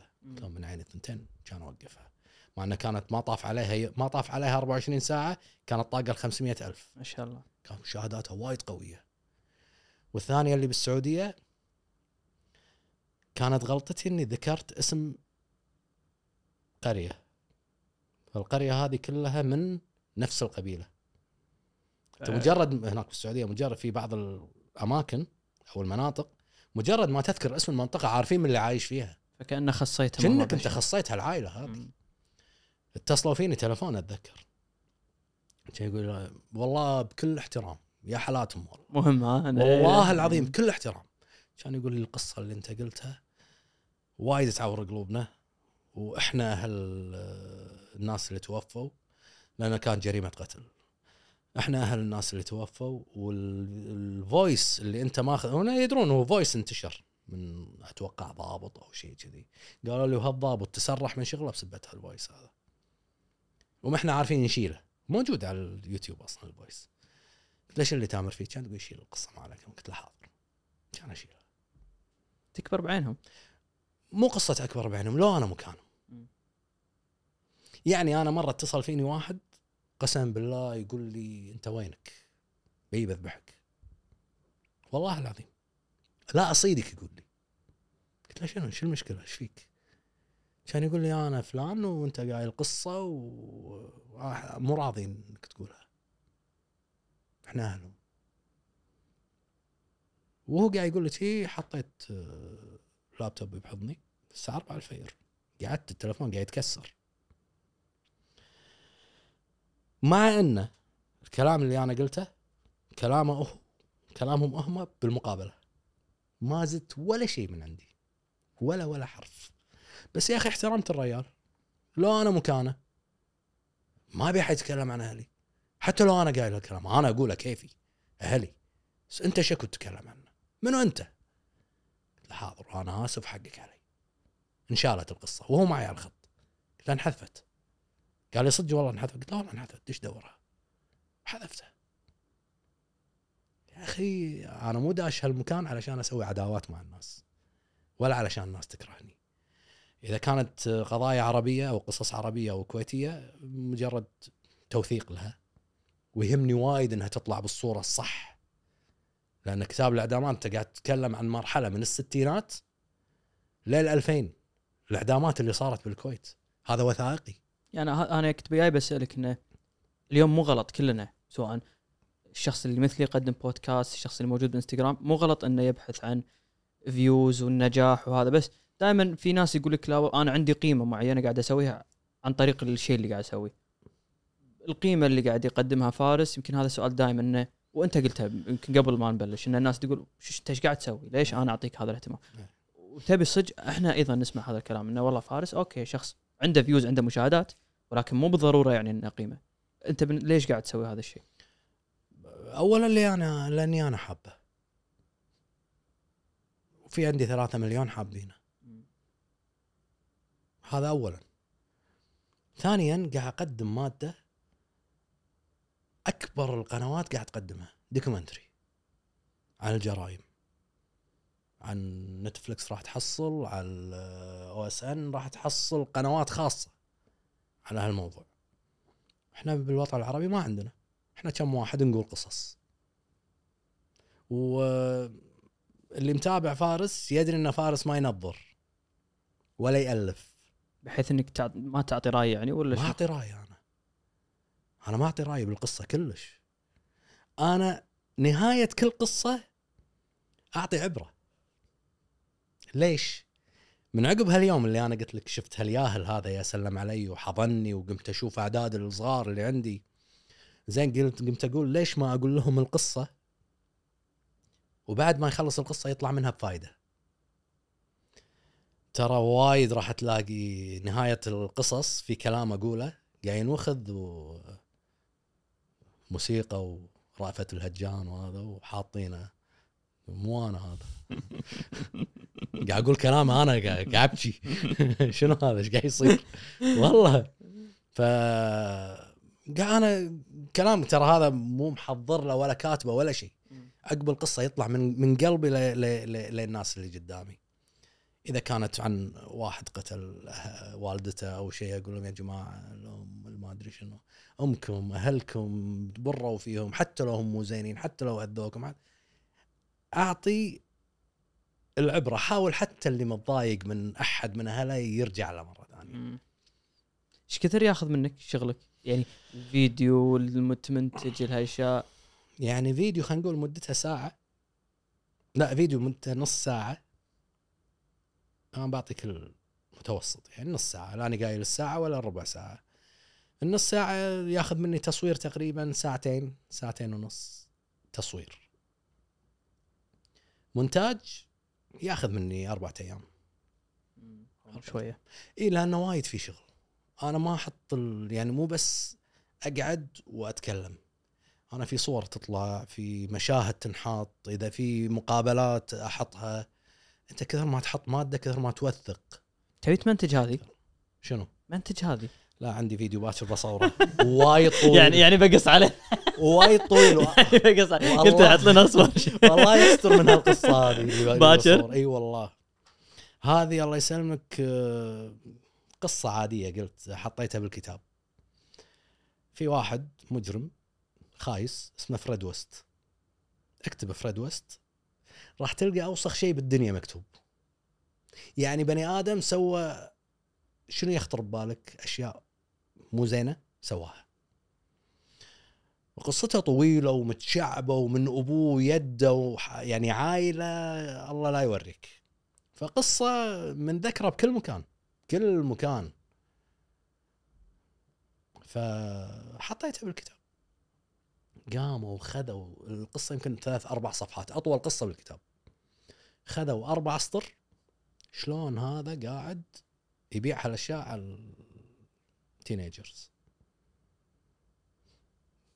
أنا قاعد أقول قصة واقعية. وأنا قايل إن محتواي مو للصغار هذا بالكتاب؟ لا بالأساس اللي جايني جايني على قناتي باليوتيوب مو جايني على الكتاب. إيه. يعني مو العقاد يعني. كون صريح يعني. ف فاللي جاي على على على اليوتيوب. فأنا وأقول لهم والله العظيم لما يجون يشترون مني ومعاهم أهلهم أقول لهم تدرون إيش قاعد يشتري؟ ترى الكتاب كله جرائم. وما ينفع لهم. إحنا إحنا نراقبهم. تحولت نيابة. عليها؟ اي فاو علي قضية وزارة الإعلام تحولت نيابة ورحت تحقيق وهذا بسبب شلت القصة من الكتاب. شلتها. قلت بلا سؤال أتوقع لو هالقصة مو كاتبها فارس عاشور كاتبها جون سميث تنباع بالمكتبات؟ راح يشترونها عادي. عادي. عادي. وما حد راح يطالعها أصلا. بس لأنه سوى زحمة فارس بمعرض الكتاب وتسكر المعرض من الزحمة واللوية اللي صارت. فطلعوا ناس بس كذي همهم يركبون على الموجة على قولتهم واللوية اللي صايرة. خل نطقه شو ورانا؟ ليش أنا بقطر صارت فيني؟ قالوا وش هالزحمة؟ إيش حقه مسوي هالزحمة؟ شنو قاعد يقدم؟ كله قصص. بالمقابل في كتاب كبار آه، بوثاتهم فاضية. يعني لهالدرجة الم- الجمهور صار تافه. زين ليش تافه؟ ليش تفه الناس؟ انت طول الوقت تبي تقرأ شي أشياء ثقيلة و... لا تبي وقت شوي تريح في نفسك. تقرأ لك قصة حلوة كذي حتى لو جريمة أو شيء تقرأ لك شيء خفيف. انت مو طول الوقت قاعد طالع أسود وأبيض وأفلام ثلاث أربع ساعات و Lord of the Rings والدنيا هذه. لا تبي تطالع Friends تبي تطالع شيء شي خفيف. أذواق الناس. بالضبط. فمستغربين من هذا. كان يهاجمني بتويتر بس بأدب رديت عليه بأدب. قلت أنت ما تعرفني لا تعرفني بتعرف ليش الناس هذول كذي جايين. طلع واحد آه، آه، ثا- ثاني يوم كان ياخذ مقطع المقطع نفسه اللي منتشر مال الكويت. أنا. شايل القصة. مو موجودة. حاطها. شوفوا شنو قاعد يقدم حق هذا. كان أقول له روح أخذ الكتاب. اللي لقيت ال- الحكي هذا موجود. لك من اللي تبي. توهق. بس مو مو طبيعي هالشيء يصير لما بغض النظر سواء الشخص اللي قاعد يسوي صح أو خطأ بس لما واحد يدش مجال جديد وينجح بهذا المجال آه طبيعي يصير فيها الاشياء يعني. ما أدري أنت عندك هالقناعة هذه ولا تحس انه لا في الموضوع شخصانية أكثر. لا أنا أنا بالنسبة لي لما أشوف إنسان ناجح ايا كان آه، آه، ايا كان محتواه يعني أقول الله يوفقه يا أخي الرجال قاعد يتعب. هالناس اللي وقفوا ثلاث أربع ساعات ما وقفوا لأن هذا الإنسان تافه. أكيد في شيء حببهم فيه. آه، أنت ما يصير تستنقص من تعب أي بني آدم. أنا قاعد أكلمك عن اللي عندهم محتوى. اللي ما عندهم محتوى شيء ثاني. ما لي شغل فيهم ولا عمري تكلمت عنهم ولا أبي أتكلم عنهم. اللي عنده محتوى 100% قاعد يتعب على محتوى أنت عارف. أنت يمكن أكثر واحد عارف. إن شاء الله إني عارف إن شاء الله. أنت عارف. آه القصة لما تختارها. اي ما يخالف تعطنا كون كريم معنا أكثر. قول. في عوامل معينة أنت أكيد اليوم فارس في مليون قصة يقدر يقولها. في أشياء معينة تدري إنه والله تضبط مع المشاهدين. هذه فيها حبكة معينة هذه فيها شغلة معينة. شلون تختار القصص اللي تقولها؟ شوف مبدئيا القصص العربية أدري إنها خلاص. أي قصة عربية؟ أي قصة عربية. تضرب. قصة عربية أصورها ومنتجها وأنزلها وأنام. أدري شلون راح يكون الفيو. أما القصص الأجنبية لا في قصص معينة. لازم شوية تدور أشياء ما حد سمعها من قبل أحداث تكون غريبة شوي. أه شيء صعب إنه يصير. نفس هذا اللي كان يذبح الناس ويسوي لحم همبرجر ويبيعها على الناس ياكلونه. ويه، صدمني والله صدم صدمني هذا هذا شيء هذا هذا شيء بسيط إيه،. أنا ابيتايزر قاعد اعطيك صدمني ليش في بعد شنو عندك؟ والله وايد في قصص يعني تصدم من هالنوع هذه. اي في هذا اللي يعني هذه كانت قصة وايد قصيرة ترى مدتها يمكن 12 دقيقة أو 13 دقيقة بس ضربت بشكل مو طبيعي. في واحد حط إعلان على على على النت يطلب فيه متبرع. متبرع شنو؟ تبعك متبرع كلى. أمم. متبرع عين. لا لا. يعني متبرع إنه يوافق إنه ينقتل وينوكل. صدق ردوا عليه 12 شخص. شافهم كلهم بس ما على قولتنا ما صملوا. واحد بس اللي صمل. راح له للبيت. لا لا لا لا. شربه وعطاه. بنادول وما أدري شنو هذا. وقطع من جسمه لا لا لا. وخلاه يجرب وهو ياكل. يعني هو هو نفسه اللي اللي يبي يموت تقطع من جسمه وأكل. ف أحس أول مرة كان هذه حلقة يمكن 76 ماني عارف- ماني عارف شو أقول. شرد. قاعد أقول لك يعني في في أشياء وايد وايد تخرع. في اسم عندي أنا بنهاية كل قصه أقوله سناقه يا سناقه شنو هذا؟ هذا مجرم. من كثر ما اسمه خايس قلت راح أقوله مرة واحدة. صار لي ثلاث سنوات عقب كل قصة أقوله. هذا أنا قايل بقوله مرة واحدة. ليش الناس يعني بالقصة يوم قلت اسمه قلت اسمه ما شنو سناقة. قلت اسمك خايس راح أقوله مرة واحدة. طول القصة ما راح أقوله. وتشلب معي. هذا الله يسلمك آه، ألوان. زين. كان يوقف تحت هو ب- ببريطانيا وهو من أصل أندونيسي وعائلة وايد غني آه، يعني عائلته وايد غنية. وأندونيسيا أعتقد اي اي كنا أندونيسي. عائلته وايد غنية وعنده دكتوراه يمكن بمجالين. ففي شارع عندهم حق ملوت الألوان في الكلبات ملوتهم وهذا كان يوقف تحت. ينطر اللي طالعين وتلفوناتهم ما فيها شحن.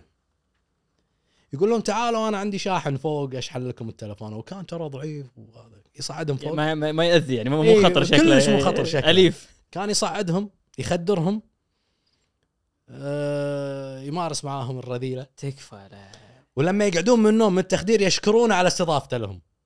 انه استضافهم عنده. ما يدرون إيش صاير معاهم. لين صاده لاعب كرة قدم أمريكية أو رقبي أو شيء كذي بريطانيا. علمنا الله حق. اي هذا هذا هذا ما تخدر. هذا فيل. قاعد من قاعد من النوم ينام في طق. من عقبها انسجن. يا أخي أنا الحين جايتني فترة اللي شي بصير مغامر بسفراتي شي واضح إنه ما يصير أشوف قناتك لا لا لا. صدقني. اي شوف لا لا تشوف قناتي إيه، قبل لا، تسافر لا، لأن لا. ما راح تسافر. أنا الحين قمت أخاف. والله العظيم يعني قبل ترى كل مكان كنت أروح وبروحي كنت شفت السفرات أقول لك ترى سولو بروحي. وأدش بكل مكان رايح. ما عندي مشكلة. الحين؟ يعني بشكل عام يعني الشخ... أثرت على شخص لما بحثك إيه. بهالأشياء. شلون. أثرت على شخصيتك؟ وايد. قمت أحرص من كل شيء. يعني مو أي واحد أعطيه ثقته والله ابو عاشور أنا أحس إذا الله رزقك عيال إن شاء الله أحس شي بتصير لا لا لا لا لا وخر لا لا لا, لا حد يجي يسوي. تطلع برا ما تطلع برا ما تطلع. عند عيني عند عيني تعال تعال. جودو ما تلعب جودو هذه لا خطرة. لا, هذه. لا, صدق لا لا والله. أنا أنا أنا واحد من الناس اللي دائما أنا عندي مثلا ولد أختي. دائما أقول حق أختي لا تسكين عليه. قلت لها كنت يعني للحين أقول لها صدقيني إذا بيسوي راح يسوي من وراك. يعني رافجي. خلي يقول لك. مو كل ما تشوفينه لا تسوي كذي لا تسوي كذي لا تسوي ترى الكبت آه، يخلي الواحد ينفجر. صح. وخصوصا لما يكون وحيد. هي هي طبعا من من حبها له. هي وايد تحبه. مم. تصك عليه. صح. بس يا أخي هم الواحد خصوصا لما يكون تينيجر عمره 16 17 سنة يبي مساحة. في طاقة. يبي مساحته. يبي يقعد بغرفته بروحه يبي جاب الربعة يبي هذا خلاص يصير عنده. تخاف تقتل فضوله لما تخوفه. من كل شيء. بالضبط. خله يجرب. غير غير إنك صرت حريص أثر عليك بأشياء ثانية؟ لا والله ترى حرصي يعني بالمعقول. حرصي بالمعقول. يعني اي ساعات في ناس في أطالع شي، آه، شكله مبلى في في. في شيء؟ في في في بوادر مجرم أخاف ساعات في. أه قبل كنت مثلا آه، بسرعة اتنرفز بسرعة بسرعة اتنرفز الحين لا قمت أطخ. لأني تعل... لأني تعلمت إن مو يعني ردات الفعل عند الناس مو مو واحدة صح. ممكن اتنرفز على واحد عادي يرفع سكين ويطقك. ما تدري أنت. ممكن تتنرفز على واحد عنده عقل يقول لك يبا مشكور يعطيك العافية يعطيك ظهره ويمشي. أنت تروح تتأسف له بعدين. صح. أذكر مرة دش اتذكر دشيت الجمعية عند الوالد. الله يحفظه. أه... دخلت زين انت الشياب عندهم الجمعية جزء من البيت. يمون على الكل من مدير الجمعية للعامل. أسمع صوته فوق. أنت شلون حاط هذا هني؟ هذا حطوه هني. صعدت لفوق قلت له يبا أنا تحت قاعد أسمع صوتك. شلون ما تعرف رقم صندوقي؟ أنا شلون ما تعرف رقم صندوقي؟ أنا بالصدفه رايح الجمعية. أسمع صوته فوق. صعدت فوق قلت له يبا ما يصير. قلت له والله يوم من الأيام تطيح بيد واحد لا تقول لي تلعب جودو؟ هذا ميانين والله ميانين. فيعني هذه المواقف اللي اكون حريص عليها. طبعا خايف عليه أنا. وبروحه رايح الجمعية هذا ما تدري إيش تسوي فيه. فهذا ما من الأشياء اللي أنا قمت أخاف منها. زين أنا بس ودي أصب لك شاي قهوة أي شيء. بنخلص تقريبا. okay. في عندي واحد اسمه علي من السعودية account مانشستر. اسمه علي آل منيف.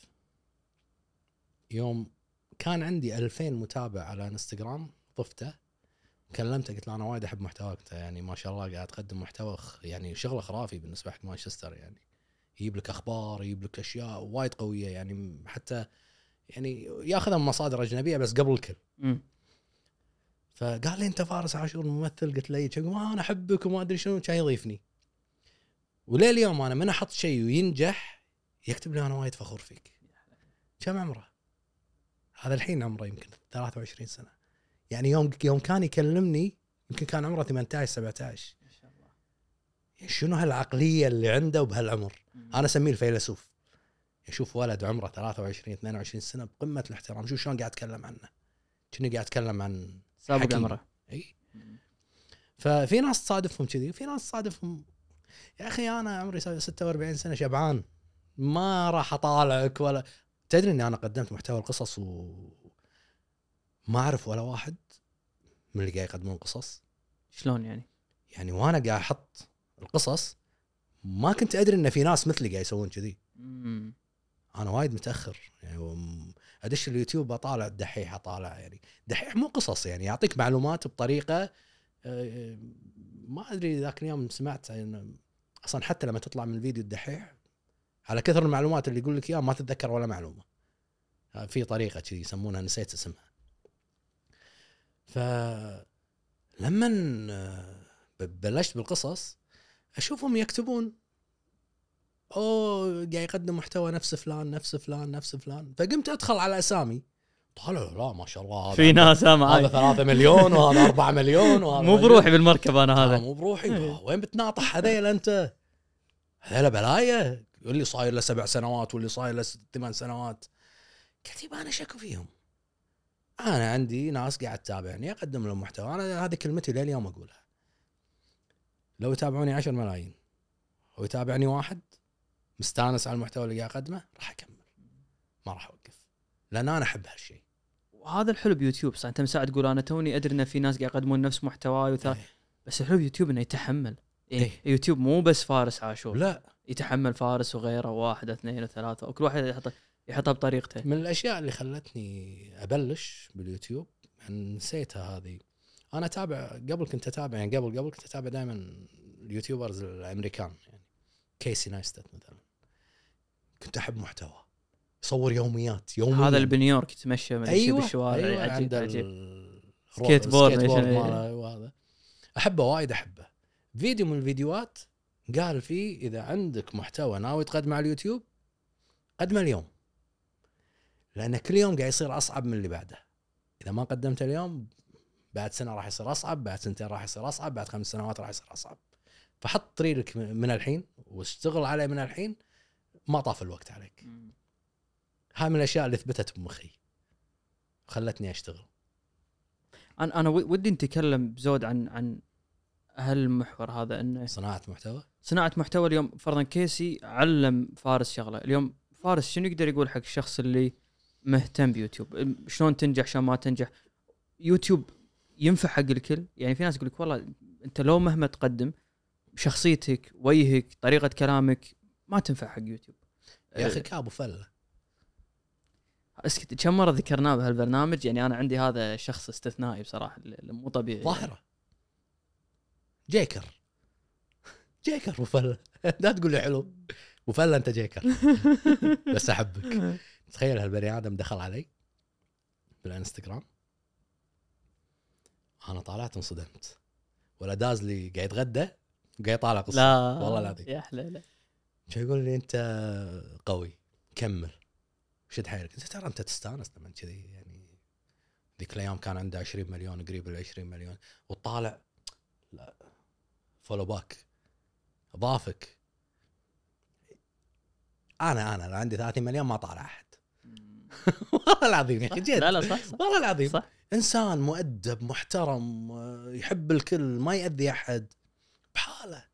عمري ما سمعته طلع وانتقد أحد. أنا أنا أدري إنه في يمكن 3000 تعليق له يغلطون عليه وهذا. مستحيل.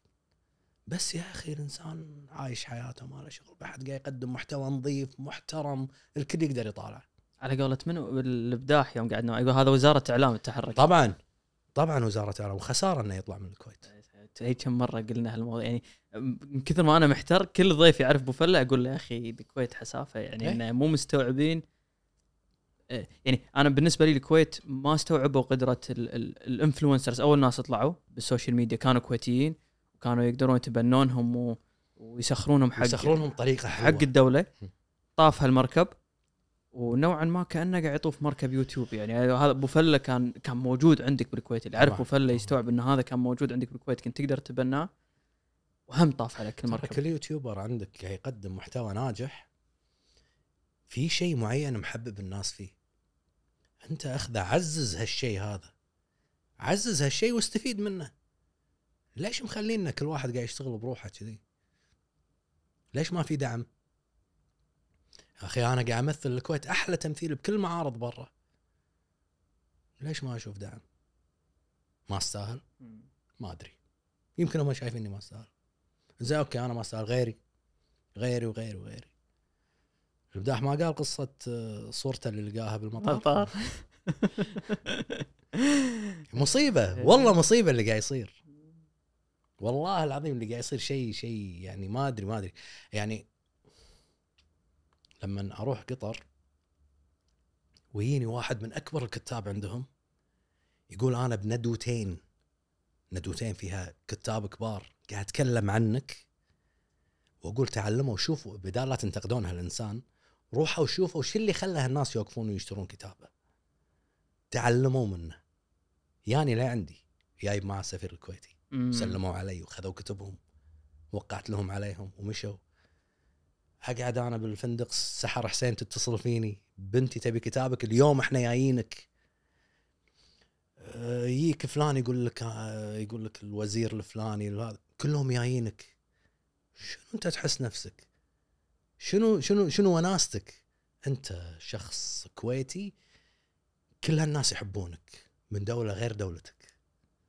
شنو شنو إيش كثر أنت قاعد تطلع الكويت بصورة حلوة أنت هناك لما أروح الرياض أو أي مكان أي مكان كنت فيه بالسعودية والله العظيم الاستقبال الكرم الحفاوة ال- يا أخي القصيم معرض القصيم اتصل فيني واحد من ربع قال لي أنت جاي؟ قلت له اي جاي كان يقول لي معرض فاضي جاي حق منو؟ قلت له ما يخالف أنا جاي. في عندي متابعين من القصيم قلت لهم أنا جاي. فراح يجي أول ما طبيت المطار نزلت وصلت المعرض ودوني للمعرض قالوا شوف المعرض ترى فاضي. ما في أحد. فاضي فاضي. ثلاثة أربعة خمسة اللي موجودين. أنا موعد الناس الساعة 6 الساعة 5 يتصل فيني مشعل. أنا بمطعم قاعد أتغدى. شي فرص تعال. خلاص. تعال خلاص الناس راح تكسر المعرض. وصلت. قسم بالله استنفار. موجود عندي الفيديو لما دشيت تخيل المعرض دائري مسوين الناس آه، من مدخل المعرض دائرة كذي على أطراف المعرض للبوث بعدين زقزاق بعدين يدشون عندك. دور النشر الثانية يوم جيت قاعد يقولون شكرا لأنك جيت. شكرا لأنك جيت لأن أحييت المعرض. معرض الكويت نفس الشيء صار بس للأسف تحولت نيابة. بسبب, اللي قلناه مساء. بسبة الكتاب. كنا نسأل المنظمين يا جماعة زحمة. نبي منظمين يقول ما عندنا منظمين. بالشارجه فتحوا لي قاعة في اي بي شرطة اثنين معاي خير 15 20 منظم. بالسعودية نفس الشيء. معارض جدة والرياض والشرقية. بوديجاردات أقول لهم يا جماعة ما أحتاج.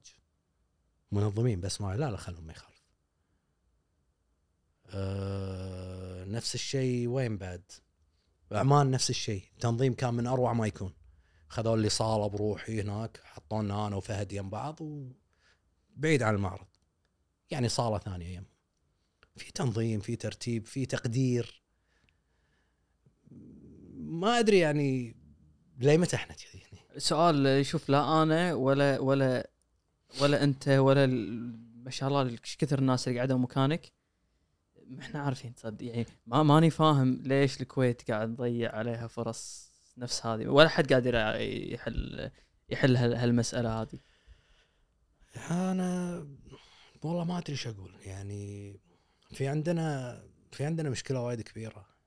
ما إحنا عارفين نحلها أخي أنا وأنا جايك لهني. تي كم مرة بطني اختض من الشوارع أنا؟ والله العظيم. بغيت أرجع ثلاث مرات أنا بسبه الشارع. زهقنا. بس إيش الحلو؟ انه انه يعني رغم كل شيء تلقى للحين الكويتيين يعني بكل مجال إذا ما كان الشخص الأول كويتي بس في شخص متميز بالمجال سواء كان شخص يقول قصص سواء شخص له علاقة بالرياضة يصير فيك يعني لو لو الكويت قاعد تقدم آه، الدعم حق هذول الناس كان وين وصلوا؟ والله يكسرون الدنيا. والله العظيم. أنا متأكد لأني أنا قريب من أغلب صناع المحتوى عندنا بالكويت. كل شغلهم قاعد هم يتكفلون فيه. هو قاعد يشتغل من اي تو زد يعني أنا أنا عشان أنا أنا عشان أغير ال- الاستديو عندي اغير الثيم والإضاءة والكاميرا والهذا محتاج مبلغ. يا أخي في واحد اسمه جو حطاب مر عليكم؟ يسافر. اللي سافر أنا هذا متابع من بدايته.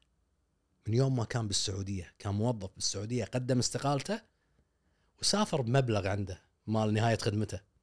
راح تايلاند. راح شرق آسيا عموما بياخذ له فرة.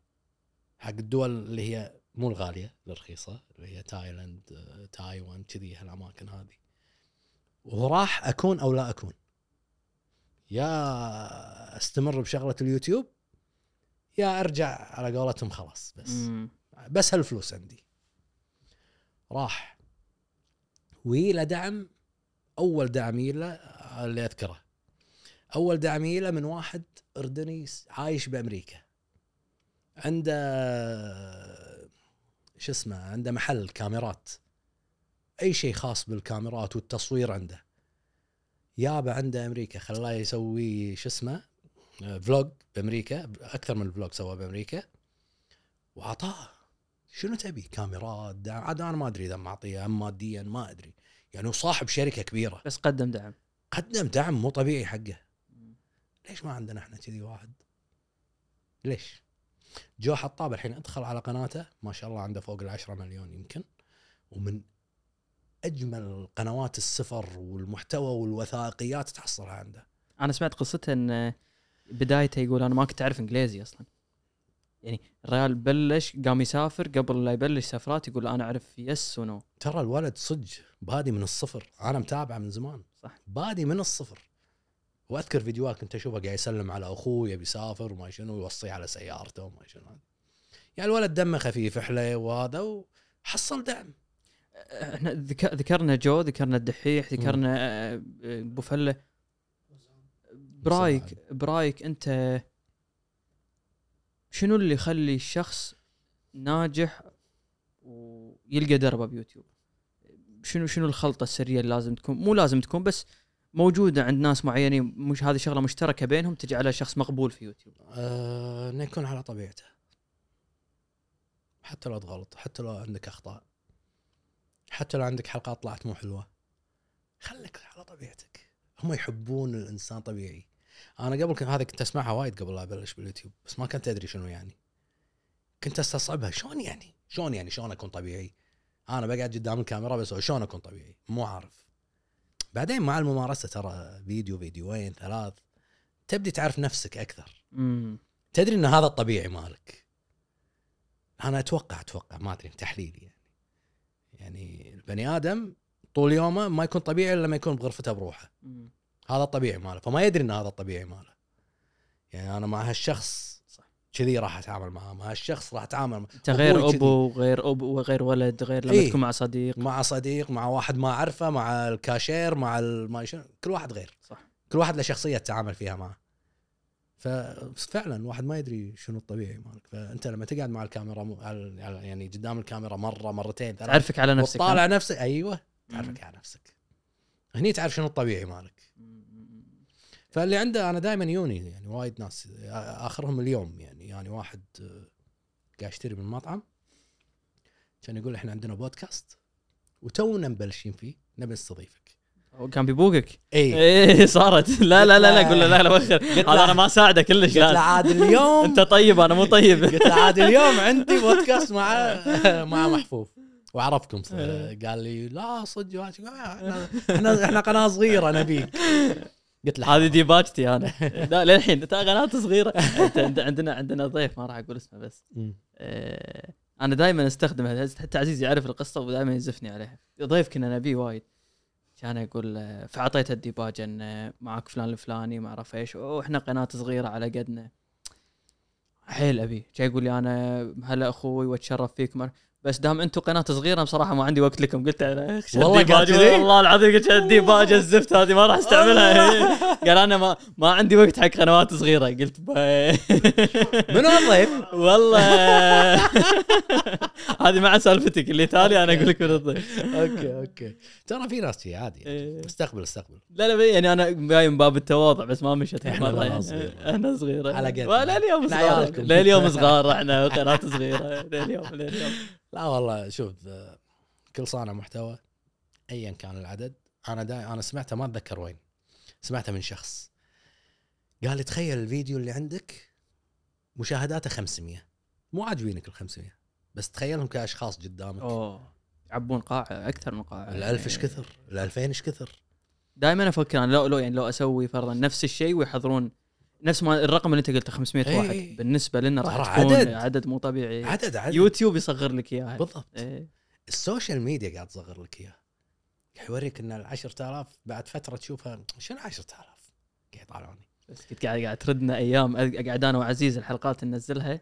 آه، قول له يلا عزيز تكفى ألف. هذه طولت عن الألف يا أخي. شفت هالألف؟ قعدنا فترة طويلة هذه الألف تلحقها. تدري تدري ليش؟ لأن كان بالنسبة لي سفيني فاشلة؟ يعني يطلع فيديو بيوتيوب أنت بيوتيوب مو متعود إنه في فيديو يطلع ثلاث أرقام بس. أي. دائما في K آخر شيء. إيه. بس إني بس أبي ال K أنا ما أبي تبي شيء. بس ال K بس أبي ال K لا تحط لي ثلاث أرقام. فاشلة يعني. أنت والله العظيم تدري هذا هذا اللي حاط أنت أنت البودكاست مالك إيش كثر؟ مدته ساعة؟ لا يعني إيش كثر صار لنا الحين؟ الحين صار لنا ساعتين لا لا مدة الحلقة كاملة. إي. ساعة. توصل يعني أنت حلقتك فيها أتوقع ساعتين. ساعتين ونص. يعني راح كل- ت- تنزل. راح تنزل ساعتين. قول ساعتين. لا بس إن أغلب حلقاتنا ساعتين ونص إلى ثلاث ساعات. أوكي. أنت متخيل إن في شخص في ألف شخص حاطين قدامهم أكلهم أو أي شيء قهوته وهذا وقاعد علشان يطالعك؟ في عندك أنت كم عندكم؟ خمس- خمسين ألف؟ تقريبا. شنو خمسين ألف؟ خمسين ألف. بني آدم ناطرك متى أنت تنزل فيديو. والله. أنا أتذكر مرة من المرات تنرفزت ب بمعرض. صار في سوء تنظيم هذا وتنرفزت. يعني مشعل. مشعل هو ال switch مالي. مشعل حمد. فخذيت break خمس دقائق عقب ال break قلت شو المعاملة هذه؟ تكفى. المشكلة ما غلطت على أحد قاعد أقول لهم يعني ليش ليش شي سوى؟ كان يقول قلت له ما راح أرجع.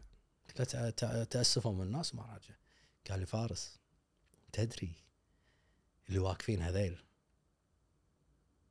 من قبل وقفتهم بكم ساعة قاعدين يلبسون ويجهزون نفسهم. ومن أمس تلاقي في ناس مستانسين لأن باكر بيونك وواقفين بالدور. صادق.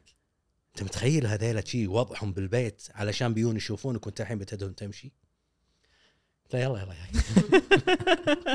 ما قدرت عليها. يعرف لي. إيه، ما قدرت أنا شيء صوب القلب على طول. آخ خلاص.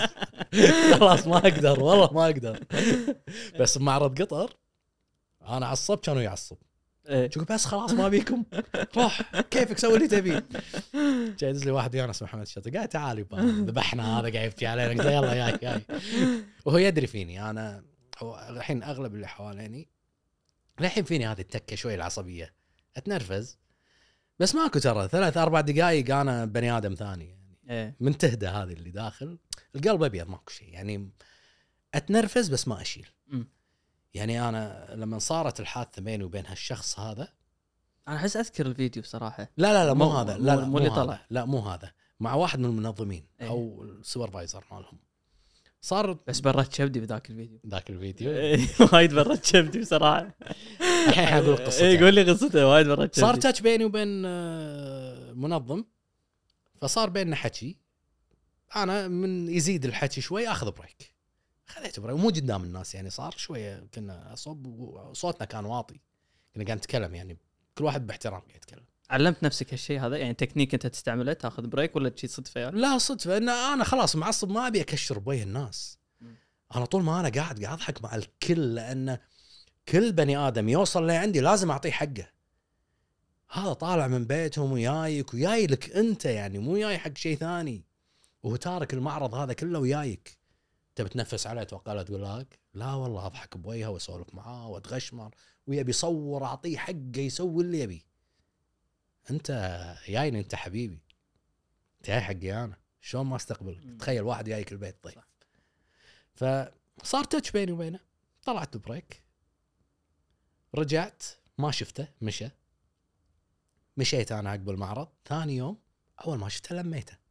وهو لمني. إيه. صرنا ربع. صرنا ربع ربع. وآخر يوم ليه الحين حاس بتانيب الض- يعني حاس بالذنب. يعني أنا قاعد ما يخالف. هو سوى كذي يمكن لأنه هو مشغول. تحت إيده وايد ناس. مو عارف يسوي كذي وكذي. أول مرة يصير معاه مثلا كذي مو فاهم. أنت لا تزيد علي آخر يوم كان أروح أشتري وردة حق كل المنظمين. شريت لهم ورد كان يوزع عليهم كلهم. قلت لهم اذا من بدر منك صورة أنا آسف أحكم علي. ما تحس ليش تسعدك أنت أكثر ما شنو؟ بس- يعني لما تسوي هالأمور هذه تريح نفسك بعد أكثر ما مو مجرد لأن أنا بيسعدهم ولا إيه. بس تعطيك أنت راحة من الداخل. هذه آه، في حلقة من حلقات فريندز كذي. شلون؟ آه، هي هذه فيبي تقول حق آه، جوي. تقول له كل عمل خير انت تكون اناني فيه لأن انت تدور راحتك. وصح ترى. صح صح صح صح. ترى انت لما تسوي شيء خير صح. انت من داخلك تحس بالراحة. صح. بس هم بالمقابل هم الشخص اللي قدامك اللي انت سويت له الخير هم مرتاح. صح. فالخير يعم على قولتهم. صح. صح عدل. فلا أنا عندي قناعة. دام إنك غلط مو عيب إنك تتأسف. آه، دام الناس شوف دائما الشخص اللي تكسى عليه وما يشيل عليك هذا حافظ عليه. هذا قلبه أبيض هذا ما هذا هذا يبيك. صح. يعني لما تكسى على إنسان ويجيك ثاني يوم يضحك ولا كأنه صاير شيء و... حتى لو يعاتبك مثلا هذا هذا شاريك. غير لما مثلا يصير بيني وبين واحد موقف خلاص هو يروح يهدك وأنت تهده خلاص هذا أنتم مو حق بعض يعني. خلاص. لا تفتح الجروح. لا لا. بس ال- ال- اللي سالفة الفيديو. إيه سالفة الفيديو. هذا الفيديو الله يسلمك انتشر عقب معرض آه، الرياض الرياض الرياض الرياض الرياض أو جدة. الرياض لا الرياض معرض الرياض أبي أتذكر ما أبي غلط إيه. معرض الرياض كان لاين طويل. وهذا الله يهداه ريال كبير بالعمر. وال line كان هو جاي في line ين في صوب حق الشباب كانوا واقفين وفي صوب حق البنات. وهو جاي من يعني قاص line البنات. okay أنت ريال كبير وهذا على عيني وعلى رأسي قسم بالله لو مكلمني بأدب. كان وقعت له كتابة وطوفت الناس كلهم. بس أول ما وقف قدامي كان يقط الكتاب. قال لي شنو؟ وقع شيء شيء لا لا آه، في كلمة يا يا يا يا ولد أو يا شيخ أو ما, ما لا مو يا شيخ يا ولد يا شيء كذي قال لي. ما أتذكر شنو قال لي. في استصغار شوي. وايد مو شوية كان. يا أبو الشباب. يا أبو الشباب. قط الكتاب شو يا أبو الشباب. وقع الكتاب. قلت له زين بس ناس ناطرين بالدور. يقول لي وقع وقع بنروح نصلي. قلت له روح صل. صل وتعال بعدين يعني. مو كتاب وزير يعني هذا. إيه، روح صل وتعال. شو خارجنا يا يعني خلصنا. عاد يلا وقع. ومعصب كان. لا كان معصب علي. قلت له لا والله ما أوقع. ما يصير تبي توقيع ومعصب ليش؟ أدري. تحبني ما تحبني إيش قصتك؟ أنا بغيت أطولها معاه بس في واحد أنا دائما وراي لازم يكون واحد من ربعي أنا ما أشوف إيش قاعد يصير. واحد من ربعي قال بذوني ويا بنته. صغيرة. فصارت فيني هذا لا ما أبي احرجها قدام بنته مسكينة يايا وأبوها يعني. لو شنو ما يسوي أبوي ما أرضى أحد يكلمه كذي. فهني سكت أنا خلاص بس وقفت. أصلا لو من البداية أدري إن بنته موجودة كان ما تكلمت ولا كلمة. شفت الحادثة هذه؟ خلتني أتعلم شيء. اللي يوقف بالدور معصب متضايق من طول الوقت أو مو قادر يوصل أقول حق الربع من غير ما حد يشوف يبوا لي كتابة. خليه يروح. ليش أخليه نص ساعة ساعة قاعد يتحلطم؟ بسرعة يجيبوا الكتاب كله توقيع نص دقيقة. يجيبوا الكتاب يلا مع السلامة روح خلاص أنت شي مرتاح. يعني مو يتعلمون أي واحد يتهاوش عشان اوقع كتاب بسرعة لا. بس حق الناس اللي صدق معصبين بس صدق منو م- أنت الحين على جانب يوتيوب. منو معاك بالشغل بروحك أنت؟ صدق والله. والله. ليه اليوم؟ اي معاي معاي واحدة آه، آه، كاتبة سعودية. هي أصلا أول قصة تكتبها كتبتها حقي. قالت لي أنا مينونة وثائقيات. مينونه قصص وما أبي أشتغل بأي قصة. أبي قصة ثقيلة أبي قصة شي ثقيلة تقول أنا سايكو أحب القصص هذه. وإنجليزيتها وايد قوية. قالت لي يا ريت لو تبي نشتغل نشتغل ويا بعض. قلت لها okay. قلت لها تعالي التزمي معاي. أعطيني على الأقل بالشهر أربع قصص. طبعا كلها بمقابل يعني. بنية هم شغلها هذا وتعبها يعني. ف قامت الحين شو تسوي؟ قالت لي ما أقدر ألتزم معك عندي وظيفتي وعندي هذا وما شو. قلت لها أنت كاتبة لك مستقبل مو طبيعي. لو تنزلين كتاب بهالأمور راح تكسرين الدنيا. أه، عطتني للحين يمكن أربع قصص أو خمس قصص. مو طبيعي. وايه تفاصيل. إيه طريقة سرد تريح. يعني سبحان الله في كيمياء صارت بيني مم. هي عارفة أنا شنو أبي بال- بالكتابة.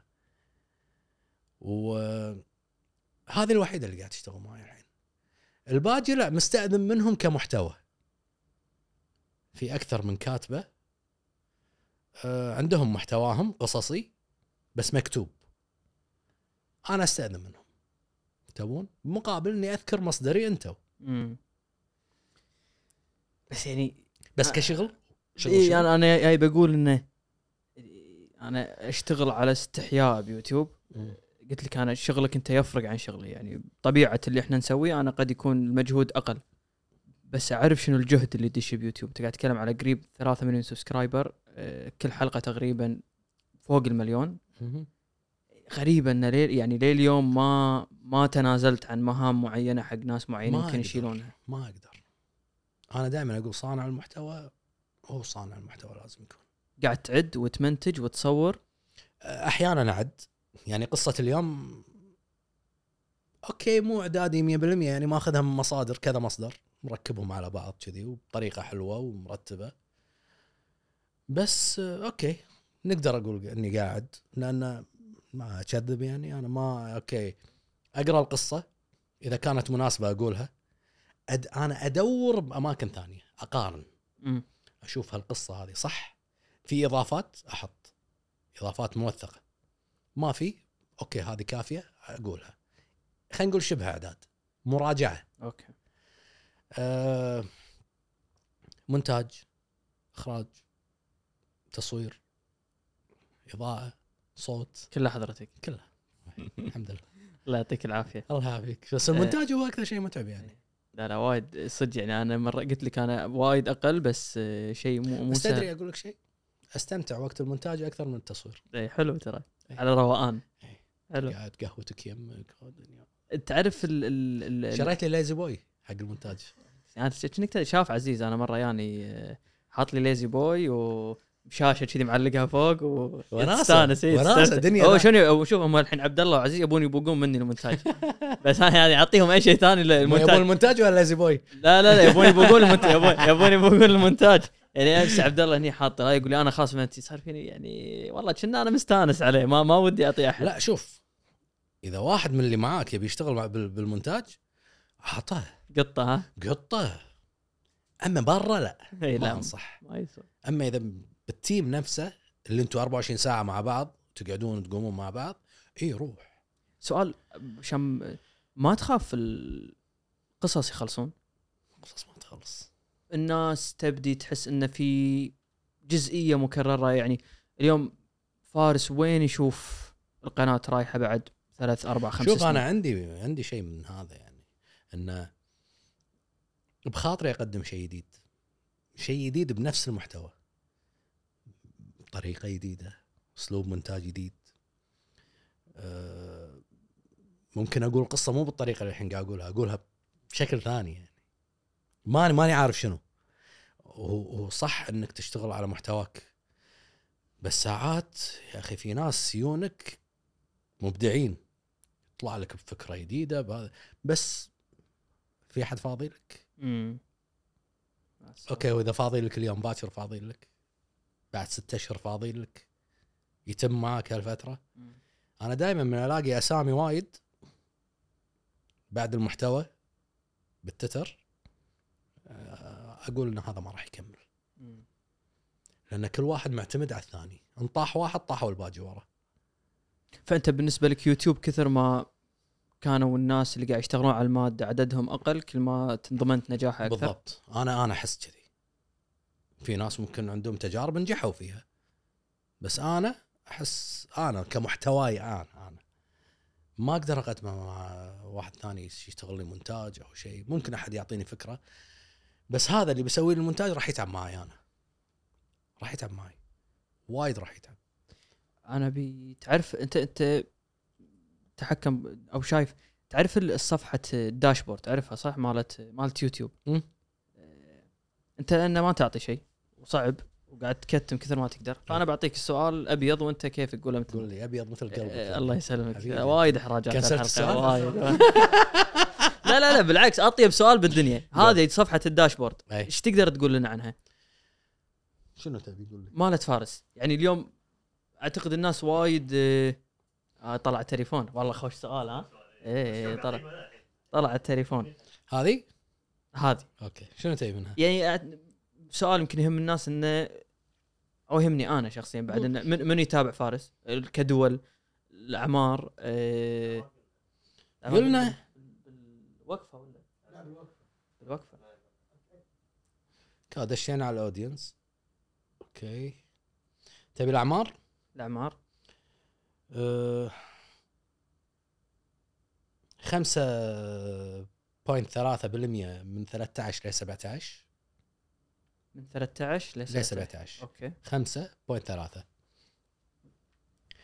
43% point 4 من 18 ل 24 مم. اللي هي قلت لك هذه أعلى فئة عندي.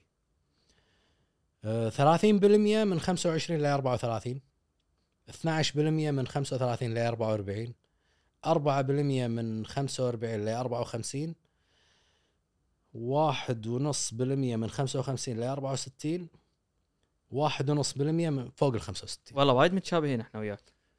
زين ميل ميل فيميل كم عندك؟ ال male عندي شوف أنا عندي اتهام وايد قوي. إنه؟ ان متابعيني أغلبهم بنات. صدق؟ أنت off. أول يعني- مرة يعني- يحوشني صانع محتوى يعني يوتيوب. قبل كم يوم إيه. واحد متكلم عني يقول ال line مال فارس اللي كان بالمعرض كله بنات ما شفت فيه ولا ريال. كان اصور له كم كم صورة وادز له إياهم. قلت له ما في ولا ريال صح؟ بس هم مو عيب ترى يعني. مو قصة شيء ليش تقول شيء ما صار؟ إيه. أنا هذا اللي يحرني. أنت قلت شيء ما صار. أنت تبي تألف بس علشان تطلع أنت صح. بالمقابل لا كان يقول لا بالساعة المعينة اللي أنا جيت فيها ما كان فيه قلت له أنا موجود طول الأيام ما تصدق ما رديت عليه. ما, ما له داعي. ما له داعي. بس خلاص كيفه؟ سولفنا بس أنت كم عندك؟ male female؟ ال male 54% point 6 ترى أنت حالة استثنائية أتوقع. لأن أنا اللي اعرفه أن يوتيوب وايد آه، شوف، وايد ال male 54% الفيميل 44.9 يعني ترى تقريبا نص بالنص تقريبا. فرق 4% تقريبا. 5% أنا بقعد قاعد أشوف أشياء بس دقيقة. أعطيك ترتيب الدول. عطنا ترتيب الدول. السعوديه مم. آه، المركز الأول. العراق. ثاني صاروا. كانوا الكويت.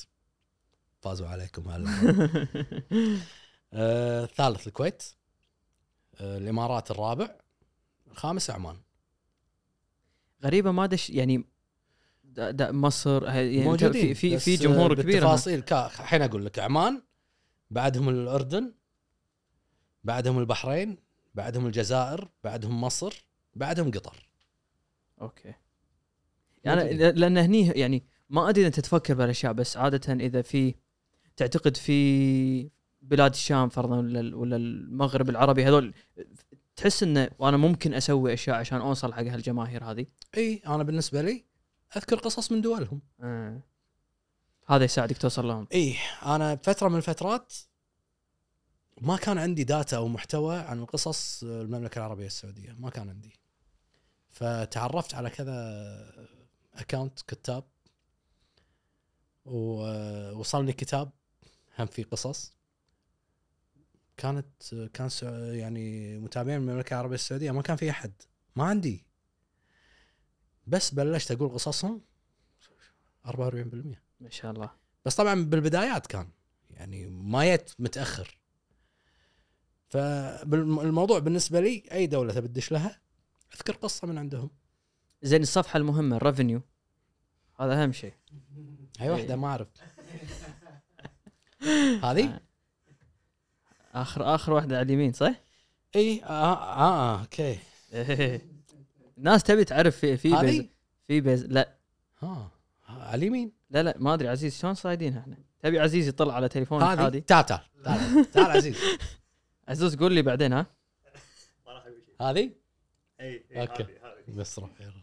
غطي. ما راح أقول لك ولا شيء. مغطي. أنا ما راح أشوف أنا ما راح أسأل شنو بالتفاصيل. أنت إيش تقدر تعطيني بس منها؟ أقول لك شيء. هو ترى ترى بس تعال تعال تعال عزيز تعال.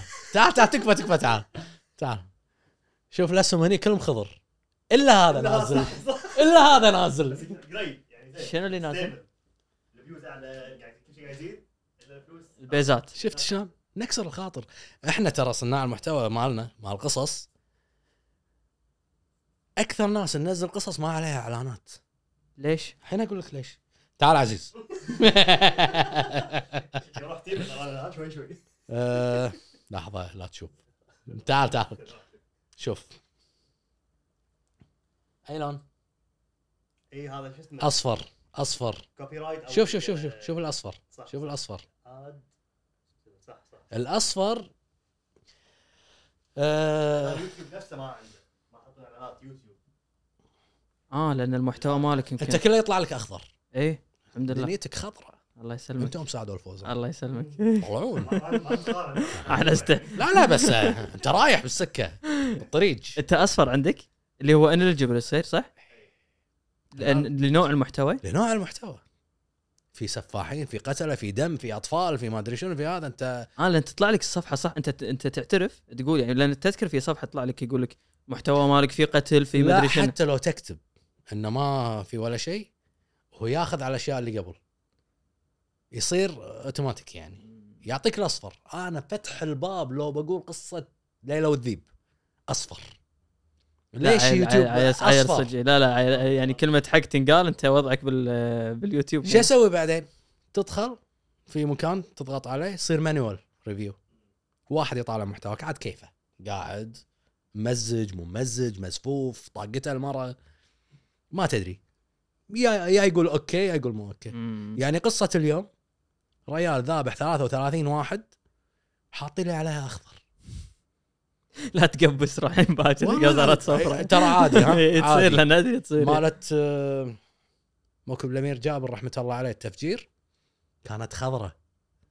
فجأة بعد سنة ونص يمكن أو سنة صفرة وفوق 18 سنة. يعني اللي يدشون عليك باليوتيوب. ما عنده اكونت ما يقدر يطالع. لا لا صادهم صادهم. نحول رياضه أنا وياك سوينا برنامج. بحول إيه، رياضة، إيه، صدق. أنا وياك نقدم. تحدي. طينج. ها؟ أنا خسرت بس الحلقة الوحيدة اللي ضرب الصوت فيها. صدق؟ على حظك ها؟ لا. تقول كذي خلوني يضرب بعد. تكفى تجيك على الصوت يرحم والديك عساك على القوة فارس. ما قصرت مشكور على وقتك. الله يجزاك خير. أنا وايد مستانس. جزاك الله خير. ويعني أنا ما أطلع لقاءات وايد. ما احب أه، ويعني أتعب نفسيا من يكون عندي لقاء. تدري أنت يوم قلت لي اليوم بنأجل أوه استانست. تحت أوف حد ارتحت. أه، أحيانا دائما أقول إن أنا يمكن ما عندي شيء أقوله حق الناس. إيش بقول لهم؟ يعني منو أنا عشان أتكلم وأنصح وما شنو هذا. إن شاء الله أكون خفيف عليكم. يا رب تكون حلقة حلوة. يا رب أكون يعني ما غلط ما قلت شيء غلط. فإذا زلت مني كلمة أو شيء قصوها بالمونتاج. مو تسامحوني لا قصوها بالمونتاج. قصوها بالمونتاج. على طول. أنا ساعات ما أدري إيش أقول. زين؟ فمشكورين وايد. يعطيكم العافية. كلكم ما قصرتوا. والله العظيم أكثر لقاء أو بودكاست ارتحت فيه. مشكور من طيبك والله من طيبك. وإحنا محظوظين نقدر نحصلك نقعد والله أنا اللي معاك محظوظ إني أنا كنت معاكم يعني. مشكور. والله العظيم مشكور. حبيبي ما قصرت عساك على القوة. اوف ذا إيه. أول شيء منو الاسم محمد؟